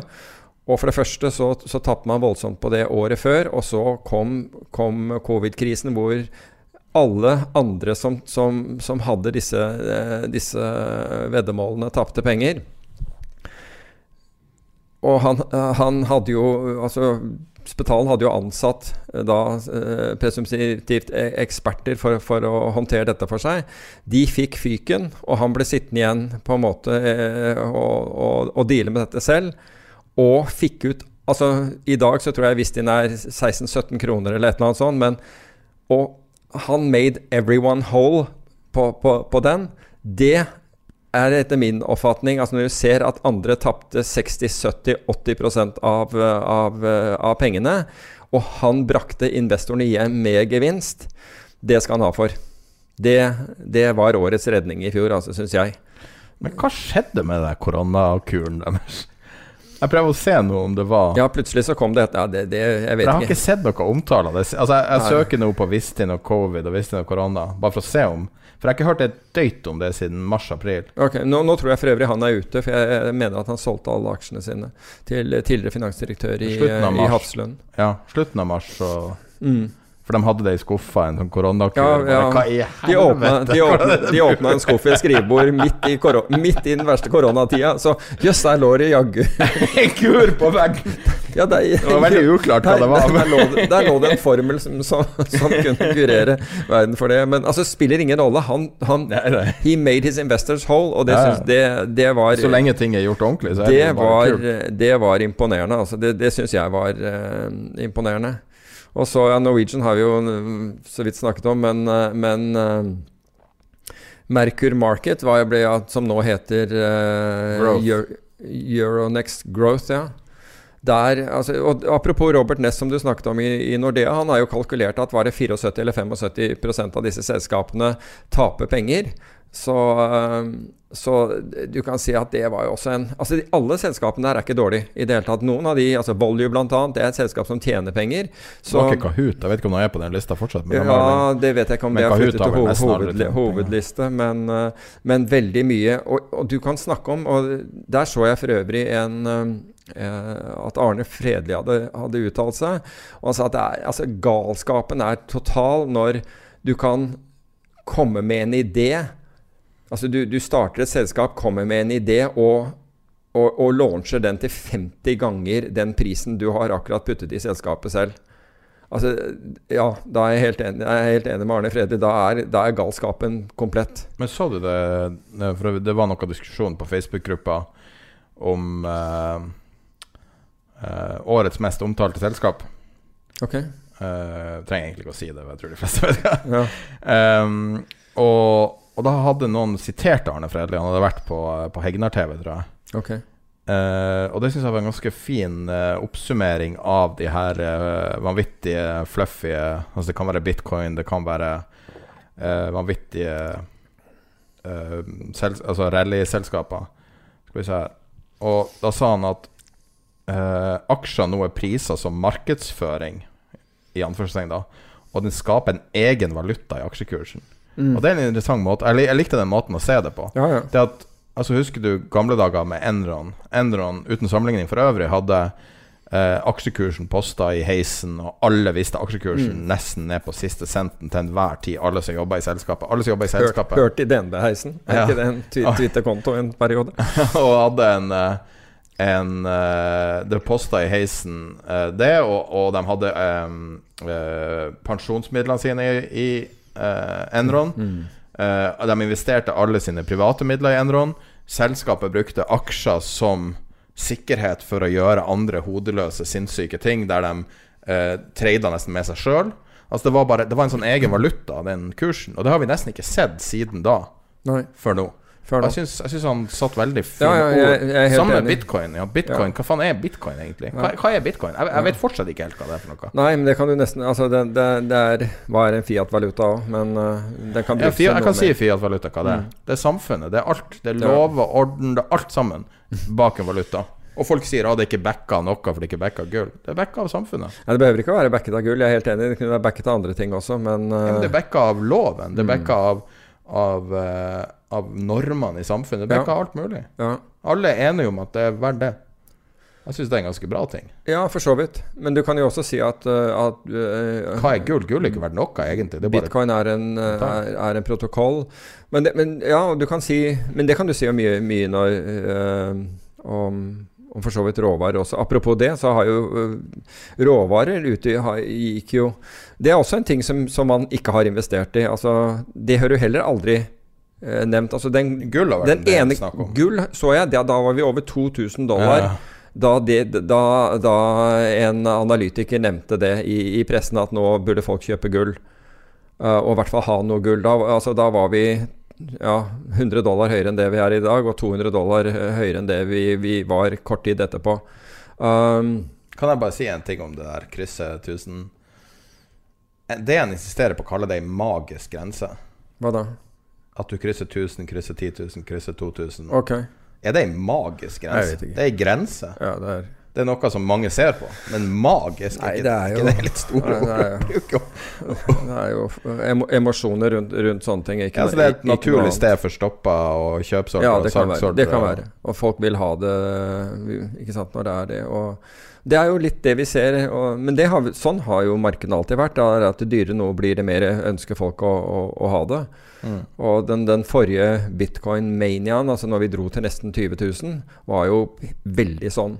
Denne her har jo vært helt annerledes, fordi du har ikke hatt det samme galskap. Ja, men jeg opplever ikke at det er samme galskap. Jeg opplever at folk kaster seg på, men opp, jeg opplever ikke den derre helt hvor ikke folk kan snakke om annet, altså hvor det bare hagler inn med forespørsler om, uh, om, det. Det var en som ringte meg på vei nå, som fikk en, en, først en sånn messenger og spurte om hun kunne ringe meg. Jeg var helt overbevist om at det var det det dreide seg om. Det var ikke det i det hele tatt. Det var, det var uh, renewable energy-type aksjer.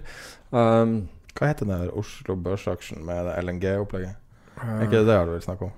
Jeg husker Nei, ikke hva det heter. det var ikke det, men uh, Vet du hva jeg ser på Oslo Børs? Jeg vet ikke hva halvparten av selskapene driver med. Vet, før så visste man jo alt Altså ja.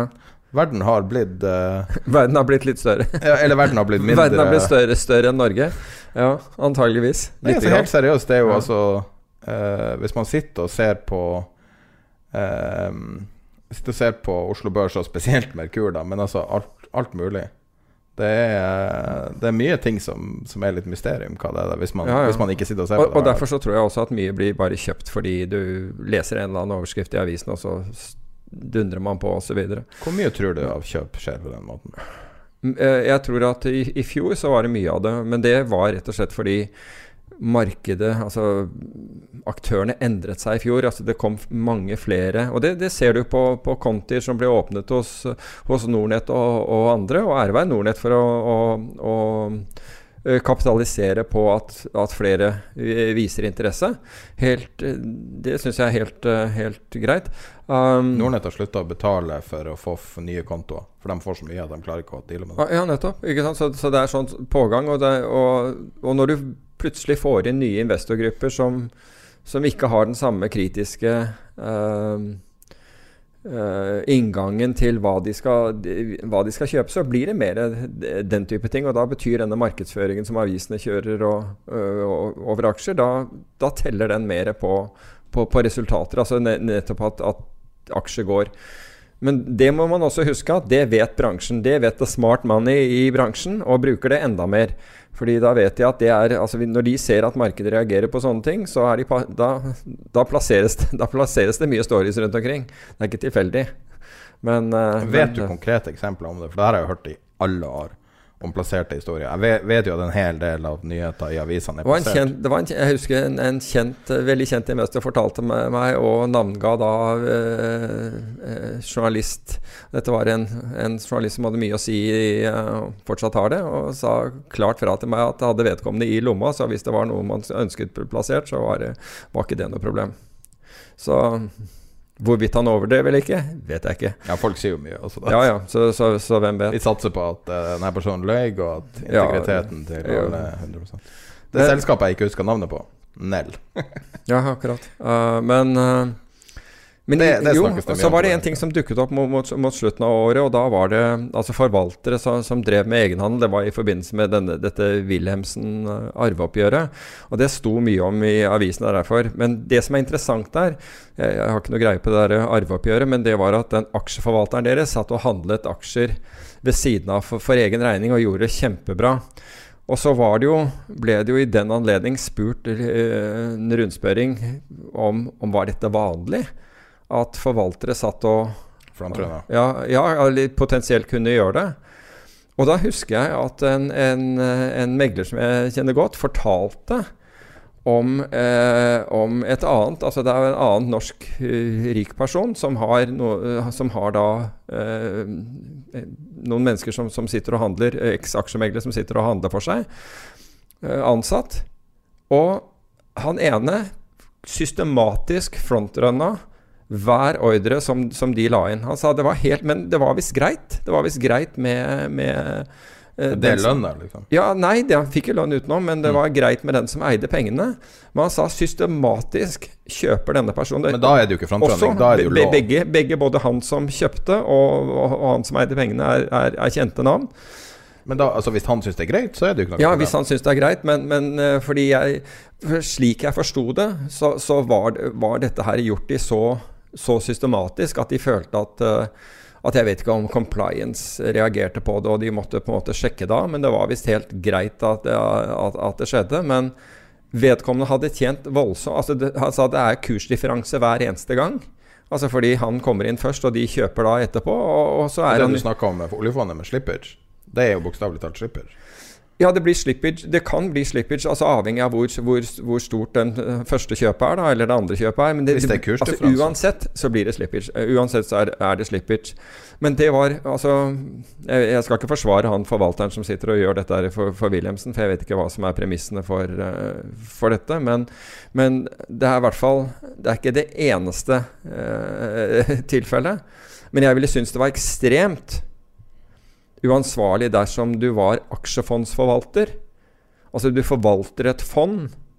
Det Én ting er at, du, at du, du, bør ha penger selv i det fondet, men hvis du sitter og handler de samme aksjene ved siden av, det, vil, det tror jeg altså Da tror jeg Finanstilsynet reagerer. Altså det tror jeg ville være grov, uh, grov misbruk av, uh, av stilling.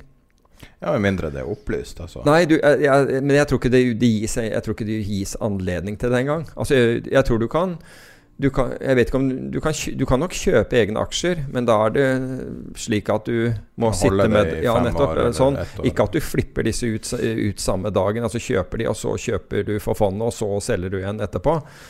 Det, det, er, så, det er så deprimerende. Så jeg tror at, at det at vi ikke fikk en sånn skikkelig bare um, bare total avskrelling etter finanskrisa, at det er årsaken til at vi fortsatt har For det her er jo sånn ja, ja.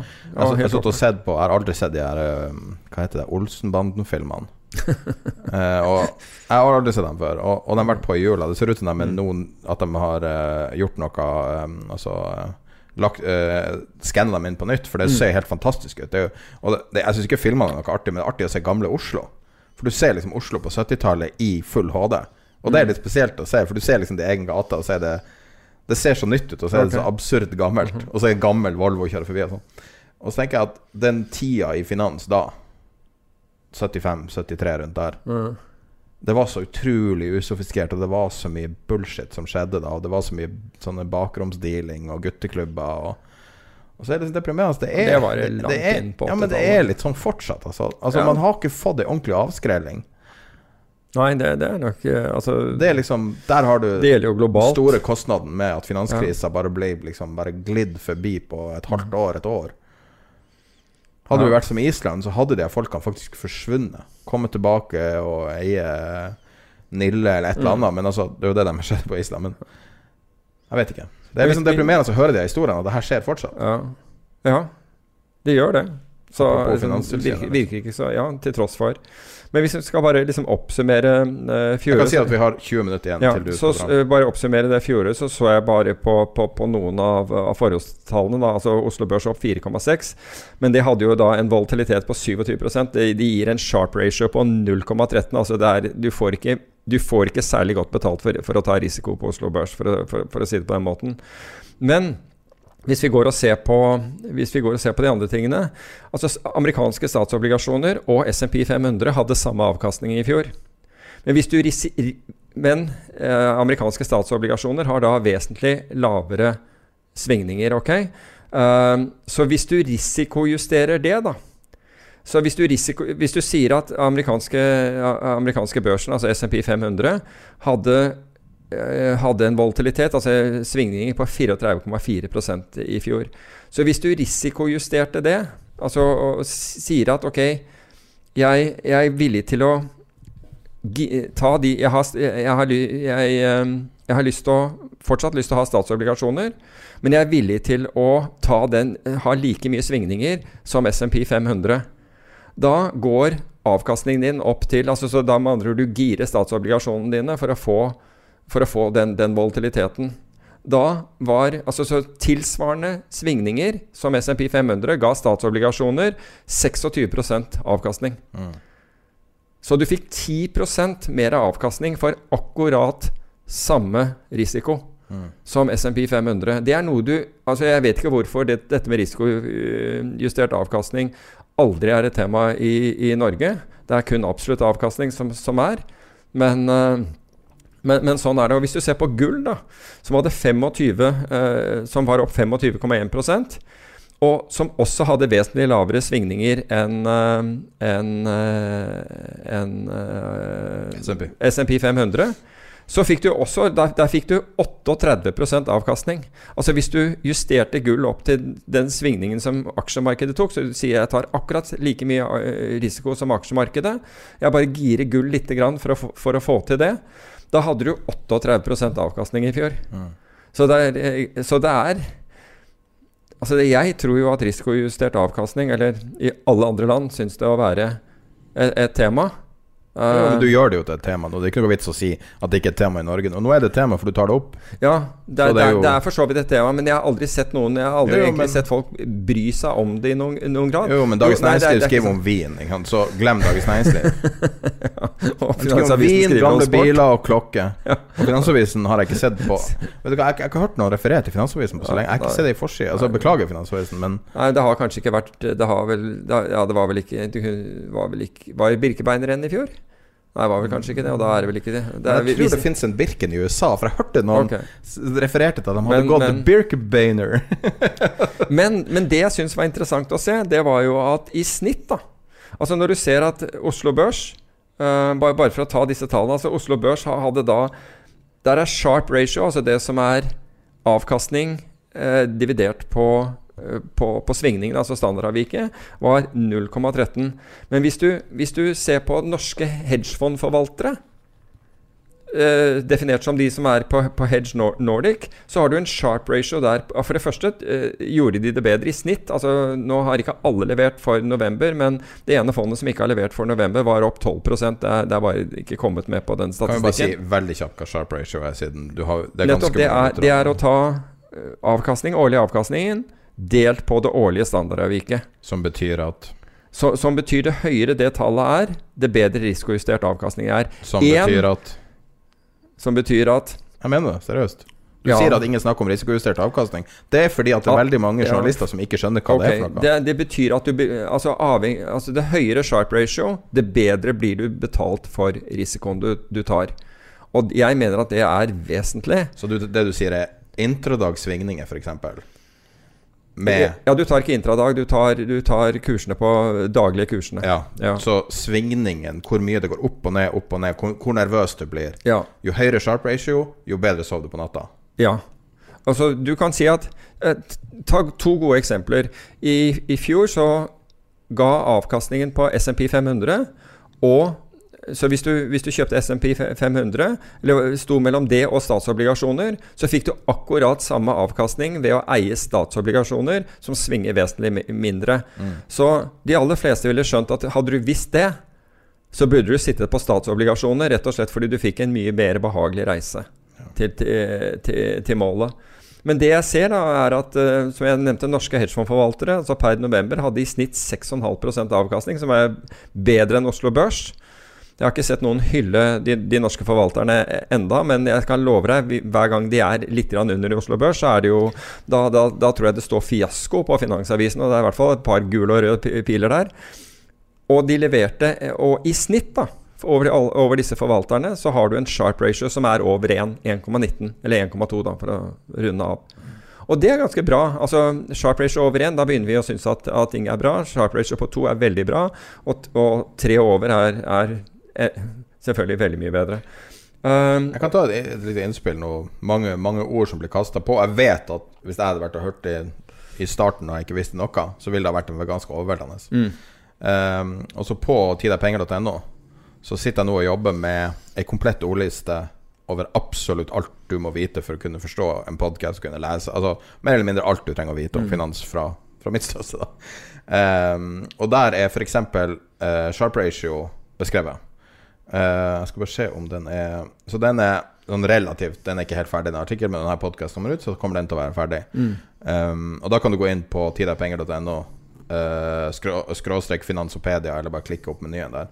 Men, men det, er, det, er, bare som et lite apropos, for du er veldig oppgira, men du må skjønne at veldig mange vet ikke hva det er. ja, det, det, det, er et godt poeng. Og... Normalt så snakker vi med hverandre, ja. men i dette tilfellet så jeg må bare skyte inn og og det er veldig mange ord som er vanskelig å skjønne. Og det som irriterer meg med finans, er at man velger å bruke vanskelige ord på ting som er enkelt. Ja. Du kaller gjeld obligasjon. Jo, men det, det, er derfor jeg vanligvis refererer til det som risikojustert avkastning. Ja. Men det kan jo være et vanskelig Men det i seg sjøl er vanskelig å forstå. Ja, det kan være. Det, det er helt reflektert, For at de aller fleste som ser, mm. eh, vil kanskje tenke at eh, at det er bare den prosentmessige avkastninga, men når man begynner å bevege seg inn i hedgefondverden eller i du sitter og trader din egen portefølje, så er det andre ting å tenke på enn bare ja. ren avkastning. Ja. Så derfor har jeg bare stoppa det der. Ja, men eh, det er bra. Uh, fordi vi har også sett det på Facebook-gruppen, hvor folk bl.a. berømmer uh, podkasten, men sier at av og til så er det vanskelige ord og uttrykk. Og så er det og, en kanal på discorden som heter 'Ingen dumme spørsmål'. Og det er ikke ja. ment som nedlatende, det er bokstavelig talt for å kunne stille alt Ja, nettopp, nettopp.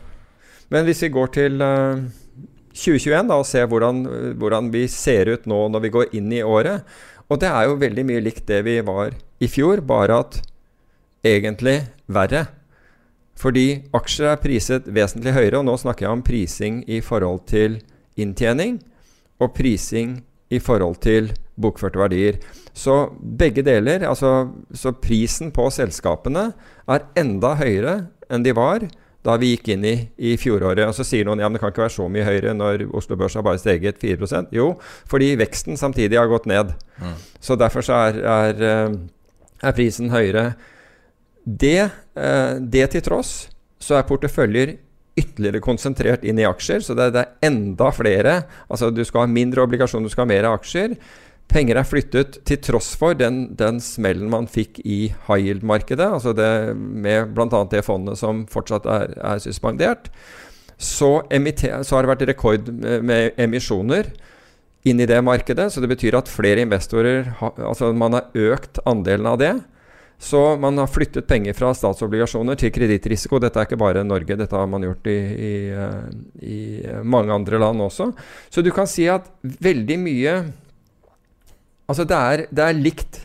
Det er likt, men ulikt, kan du si, det som uh, Det som har skjedd uh, fra, fra, 2020 til 2021. Vi har bare Vi har tatt enda mer risiko. Og så sier man at ja, men nå kommer jo veksten, fordi nå får vi covid-vaksinen. Ja, det gjør den. Det forhåpentlig gjør den. Men det er jo årsaken til at markedet løftet seg i, på slutten av fjoråret, var jo nettopp Så det, det ligger allerede i tallene. Så vi, vi, skal gå vesentlig bedre i økonomien. Altså vesentlig bedre enn det man har forventet. For at, for at du skal kunne forsvare, og at dette skal, dette skal uh, virke trygt. Så det er egentlig ganske spennende, uh, det som her skjer. Og så er det én ting til som jeg synes Altså igjen, det er omtrent ingen som har, har, har bitcoin. Og jeg så mange som, som på, på, de ulike kanalene våre sa at ja, sol, de solgte på, på 19 000, og de solgte på 20 000, og så var det en som solgte her forleden dag på 26 000 og, og sa takk for seg, osv. Så videre. så, men det er veldig det, Altså én ting er sikker, er at det er lite allokert til det. Greit nok. Altså, det, det var på Hvis det hadde vært en aksje så hadde flere kjøpt den. Uh, fordi sånn er det. Du bruker recency bias der. Altså det som gikk kraftig i fjor, det vil du gjerne kjøpe mer av i år. Men når det gjelder noe annet, så skal man Altså det mer det går, så man, har man en helt annet syn på det. Så det kan du si er en sånn emosjonell reaksjon. Uh, fremfor en, en, en, logisk en. Jeg syns ikke at det er nødvendigvis logisk å kjøpe noe det høyere det prises, bare så det er sagt. Så er det én ting som ikke har vært snakket noe særlig om, og det er markedslikviditeten. Og den er voldsomt, voldsomt mye dårligere. Altså Den var allerede begynt å falle i begynnelsen av fjoråret. Men i, under coviden så Altså Vi er vesentlig bedre enn det vi var på det verste i, coviden, men det er tynt. Markedet er tynt. Altså Jeg så en, en Er oppgangen smal også på toppen av det? Nei, det vet jeg ikke om, om den Nei, jeg tror ikke det. Det virker som Det er ikke så smart som det var? Nei, ikke så smal. Ja, den er smal i forhold Det var liksom Facebook, Google osv.? Ja, er, den er fortsatt det. Den er fortsatt et få antall selskaper hvis du snakker om, uh, hvis du snakker om USA. Definitivt. Mm. Men det som er det skremmende her, er at det var en, uh, det var en amerikansk forvalter som, som uttalte seg til, til, Wall Street Journal, som, som sa at det som du kunne gjøre med en Altså det Du kunne gjøre en billion Altså eh, eh, Unnskyld, en milliard. En milliard dollar Altså du kunne handle til en milliard dollar i det amerikanske aksjemarkedet. Er du nå nede i å kunne Nå er det ti millioner du får for, uten, altså, for, for samme kurs, altså det, uh, uten å flytte kursen. Så markedslikviditeten har gått vesentlig ned. Og, og svaret kontraen til noen som lever av å selge et eller annet finansielt instrument, men, men, vil være Fed. Ja. Uansett. Men uansett Du har, det, du har Fed-putten, så bare, det bare sitter et Men det betyr altså det virker, det virker, jo begge veier. ikke sant? Når du skal kjøpe noe, så driver du prisen opp. Når du skal selge noe, driver du prisen ned. Du får ikke handlet uh, det, er, det, er, ikke lett å få handlet uten å drive prisen. Men det er jo fordi at når vi går tilbake til smart money helt i starten, mm. så er det jo det at de er jo ikke villige til å ta sånn risiko for å stille likviditet. Det er jo åpenbart når ting er så frothy som det er nå. Ja. Det må jo være årsaken strukturell ba bakomforliggende årsak? Eh, ja, altså Den virkelige årsaken er jo at bankene ikke stiller lenger, ikke sant, som følge av Folker Rule og det som skjedde etter, etter finanskrisen. Altså ingen egenhandel? Ja, eller de, de, har, men den er veldig begrenset eh, grad. Og det er veldig Altså nå, nå, nå, ser du jo at Goldman og disse her, de stiller jo marketmaker-priser, men alle gjør dette high frequency og med mye mm. mindre beløp. Interessant unintended consequence av det, da. Hva sier du? Ja, det er interessant unintended consequence. Ja, en voldsomt unintended, men, ja, men en som det ble advart mot på, på, på, forhånd, at dette ville være konsekvensen, at markedene ville bli tynnere. Og det ser vi jo, ikke sant. Alle flykter når, når, når kursene faller. ja, det er flashcrash hele tida. Ja, det det, det. Det vipper, eh, det vipper mye mer, i hvert, fall, uh, hvert fall intradag. Så du kan si at pri, uh, selskapene er priset enda høyere enn de var i fjor. Det er enda større kon konsentrasjon uh, til aksjer. Altså alle, de, flere penger har gått inn i akkurat det samme. Lik likviditeten er mindre, og gjelden er høyere. Mm. Og da tenker jeg at da, da er Men én for, forskjell.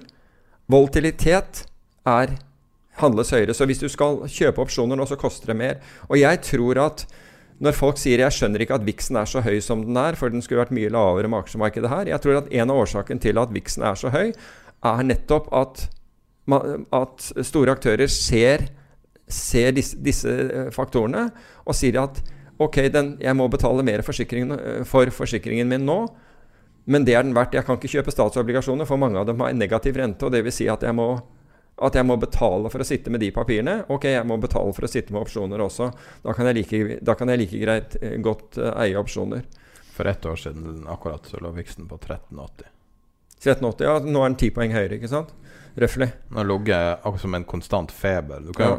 altså Får kalle VIX for fryktindeks, men det er jo nesten like mye en sånn feber for markedet. Ja.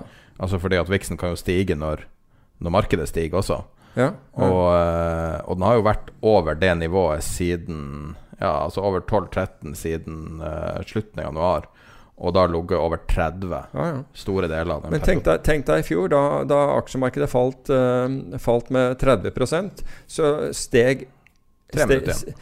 Hva sier du? Ja, har tre minutter igjen. ja, da, da, steg viksen, altså da steg volatiliteten. Så hvis du eide et volatilitetsprodukt hvor du var long, så gikk det seksgangeren. Så uh, ja, det var jo altså på, Ikke akkurat på denne tida, litt senere på året, så mm. anbefalte du jo Hva det heter det der um, Nå glemte jeg det. Det fondet, det forsikringsfondet. Å oh, ja. Uh, du, du, tenker på uh, Universa.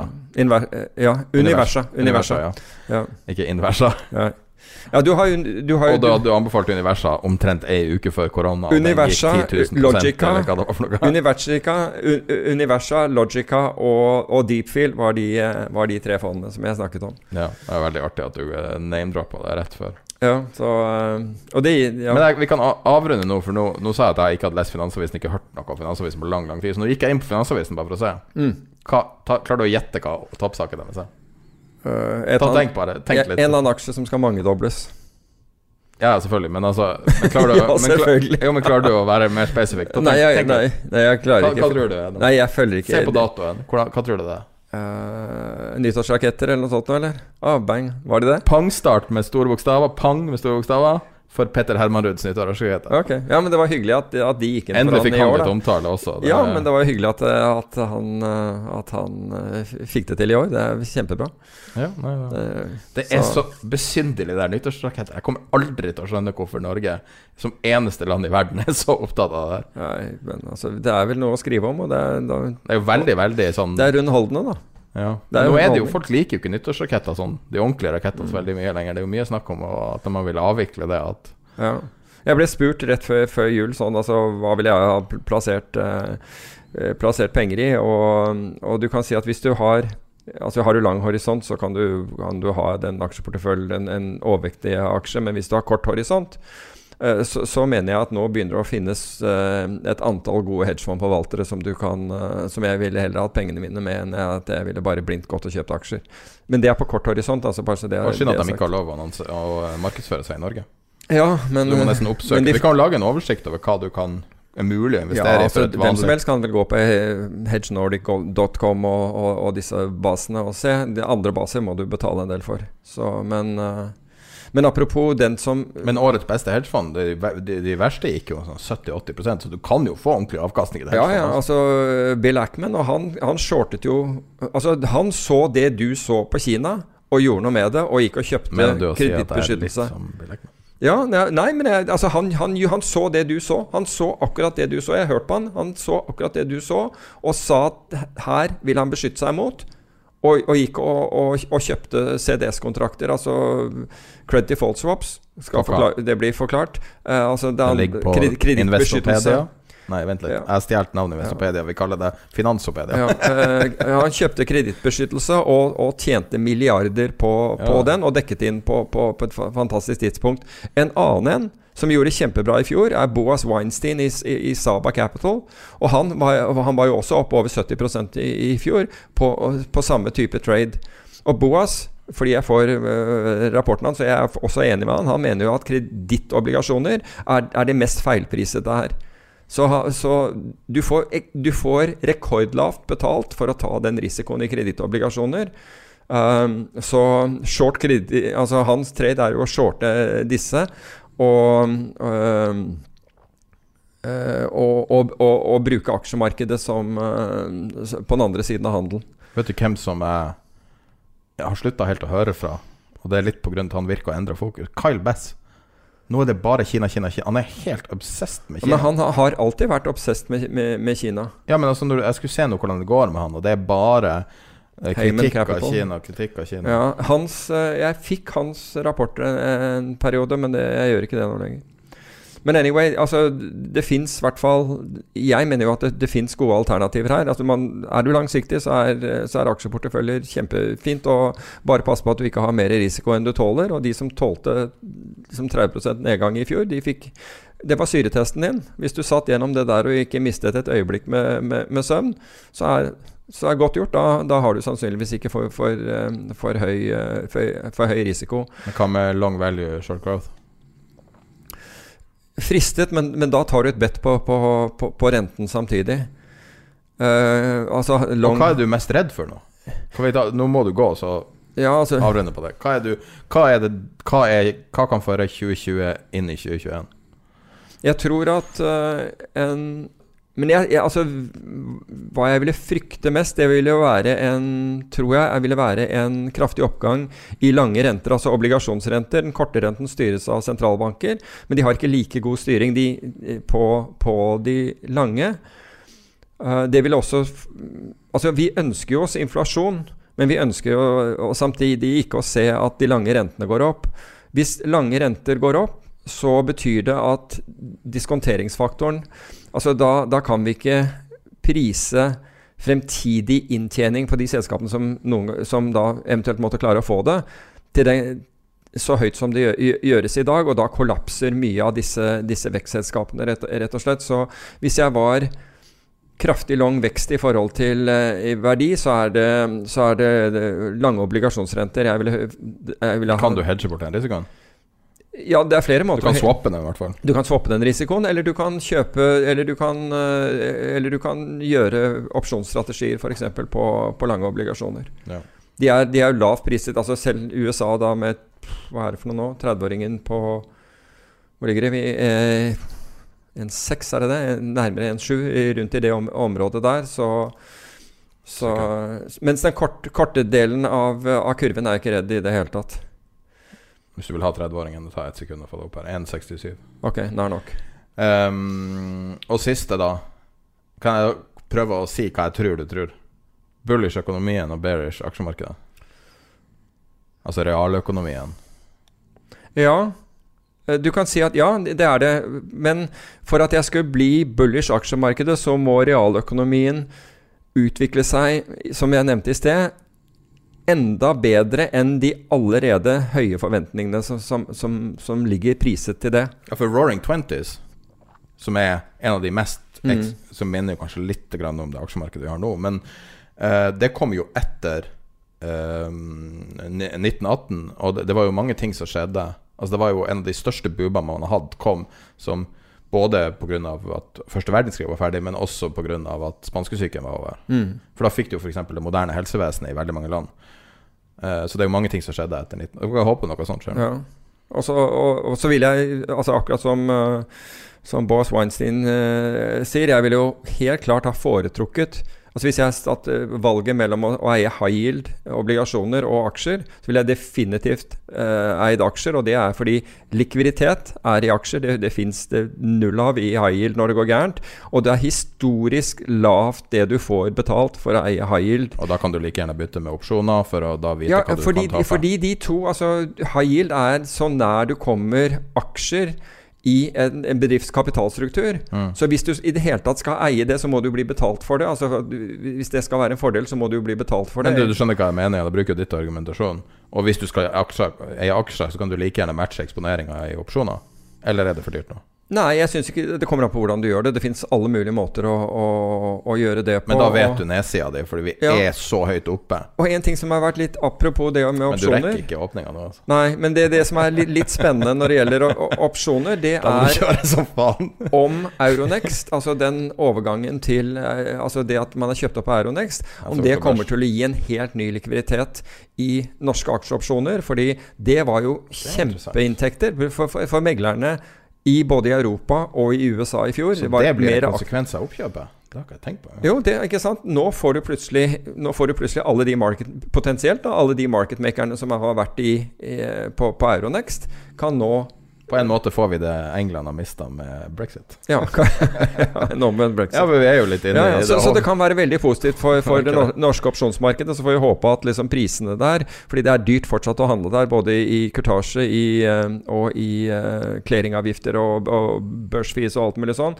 Få det ned på et fornuftig nivå. Forhåpentlig. Herregud, jeg fikk mye mailer om brexit fra et meglerhus. Jeg måtte signere noen dokumenter før brexit var over. Jeg gjorde det klokka fem på tolv på 31. desember. Ja, jeg, jeg, jeg, flyttet også eh, Jeg flyttet penger Altså konto og penger ut av Storbritannia. Altså. Ja, du måtte jo det. Altså, du måtte det. Jeg måtte ikke, men jeg måtte ta, ta konsekvensen ved å ikke gjøre det. Og det var, det, den, var, den, var, den, var, dyster, så det var bedre å få, få det flyttet. Det er så det, Altså, brexit er Vi kan runde av på det må være det dummeste politiske manøveren i historien. Altså. Ja, den nær. I hvert fall nær. Ja. Nei, men da eh, 2021 starta foreløpig ingen krise, og vi er fire dager inne, så jeg syns egentlig altså, ja, det, har gått ja, Ok, Norge har, fått, det har gått kjempebra til Norge har fått to nye versjoner av koronavirus ja. mens vi har hatt podkast. Ja. Utover det, så det Du, apropos. Jeg har bare lyst til å gjøre en, Og dette er en seriøs greie, fordi en sånn shout-out fordi i forbindelse med den der tragedien oppe på Gjerdrum, mm. så den, da, dette, da, da den inntraff så sitter det en, eh, en, en gjeng unge karer som kjører i en bil, og så merker sjåføren at et eller annet er gærent. altså jeg vet ikke om Han tråkker på bremsen, og de stopper nesten rett ved krateret og går ut derfra. Det er liksom ikke poenget mitt, men poenget mitt var at de tok seg av de første. De ga bort klær, og en av dem ga bort skoene sine til til, eh, til, til, folk som ble reddet ut av, av, av, husene der. Og det forteller noe om karakter mm. til disse gutta. Og hvorfor jeg shouter ut her, er at de var i en alder som godt mulig enten de eller vennene deres eller noen hører på det. Og all respekt til de, for det, det, virker, det viser karakter, det de gjorde. Jeg skulle gjerne visst hva de heter, da, men uh, det kom litt brått på. Så I'll end it on that note. Skal vi se, her har du uh, Even det er på, Nå er jeg på svenske nyheter for å finne okay. navnet hennes. Even Nygård Østreng og tre venner. Ja, i hvert fall respekt. Ja. Jeg, jeg, kjenner en som jobber nedi det der eh, i, i, eh, i det krateret også. Og all respekt til, til, han også, for all del. En grusom sak. Ja. Det, men det var i 2020, altså. Ikke for å si noe, men altså Det var noe av det siste som skjedde i 2020. Ja, det er helt, helt forferdelig sak. Helt forferdelig sak. Jeg syns den Netflix-serien som heter Fuck 2020 Herregud, de traff blink med det. Det er grusomt. Der. Ja. Bare glad det er over. Yes. Ja. Da høres vi om to uker. Ja. Eller kanskje før. Hvem vet.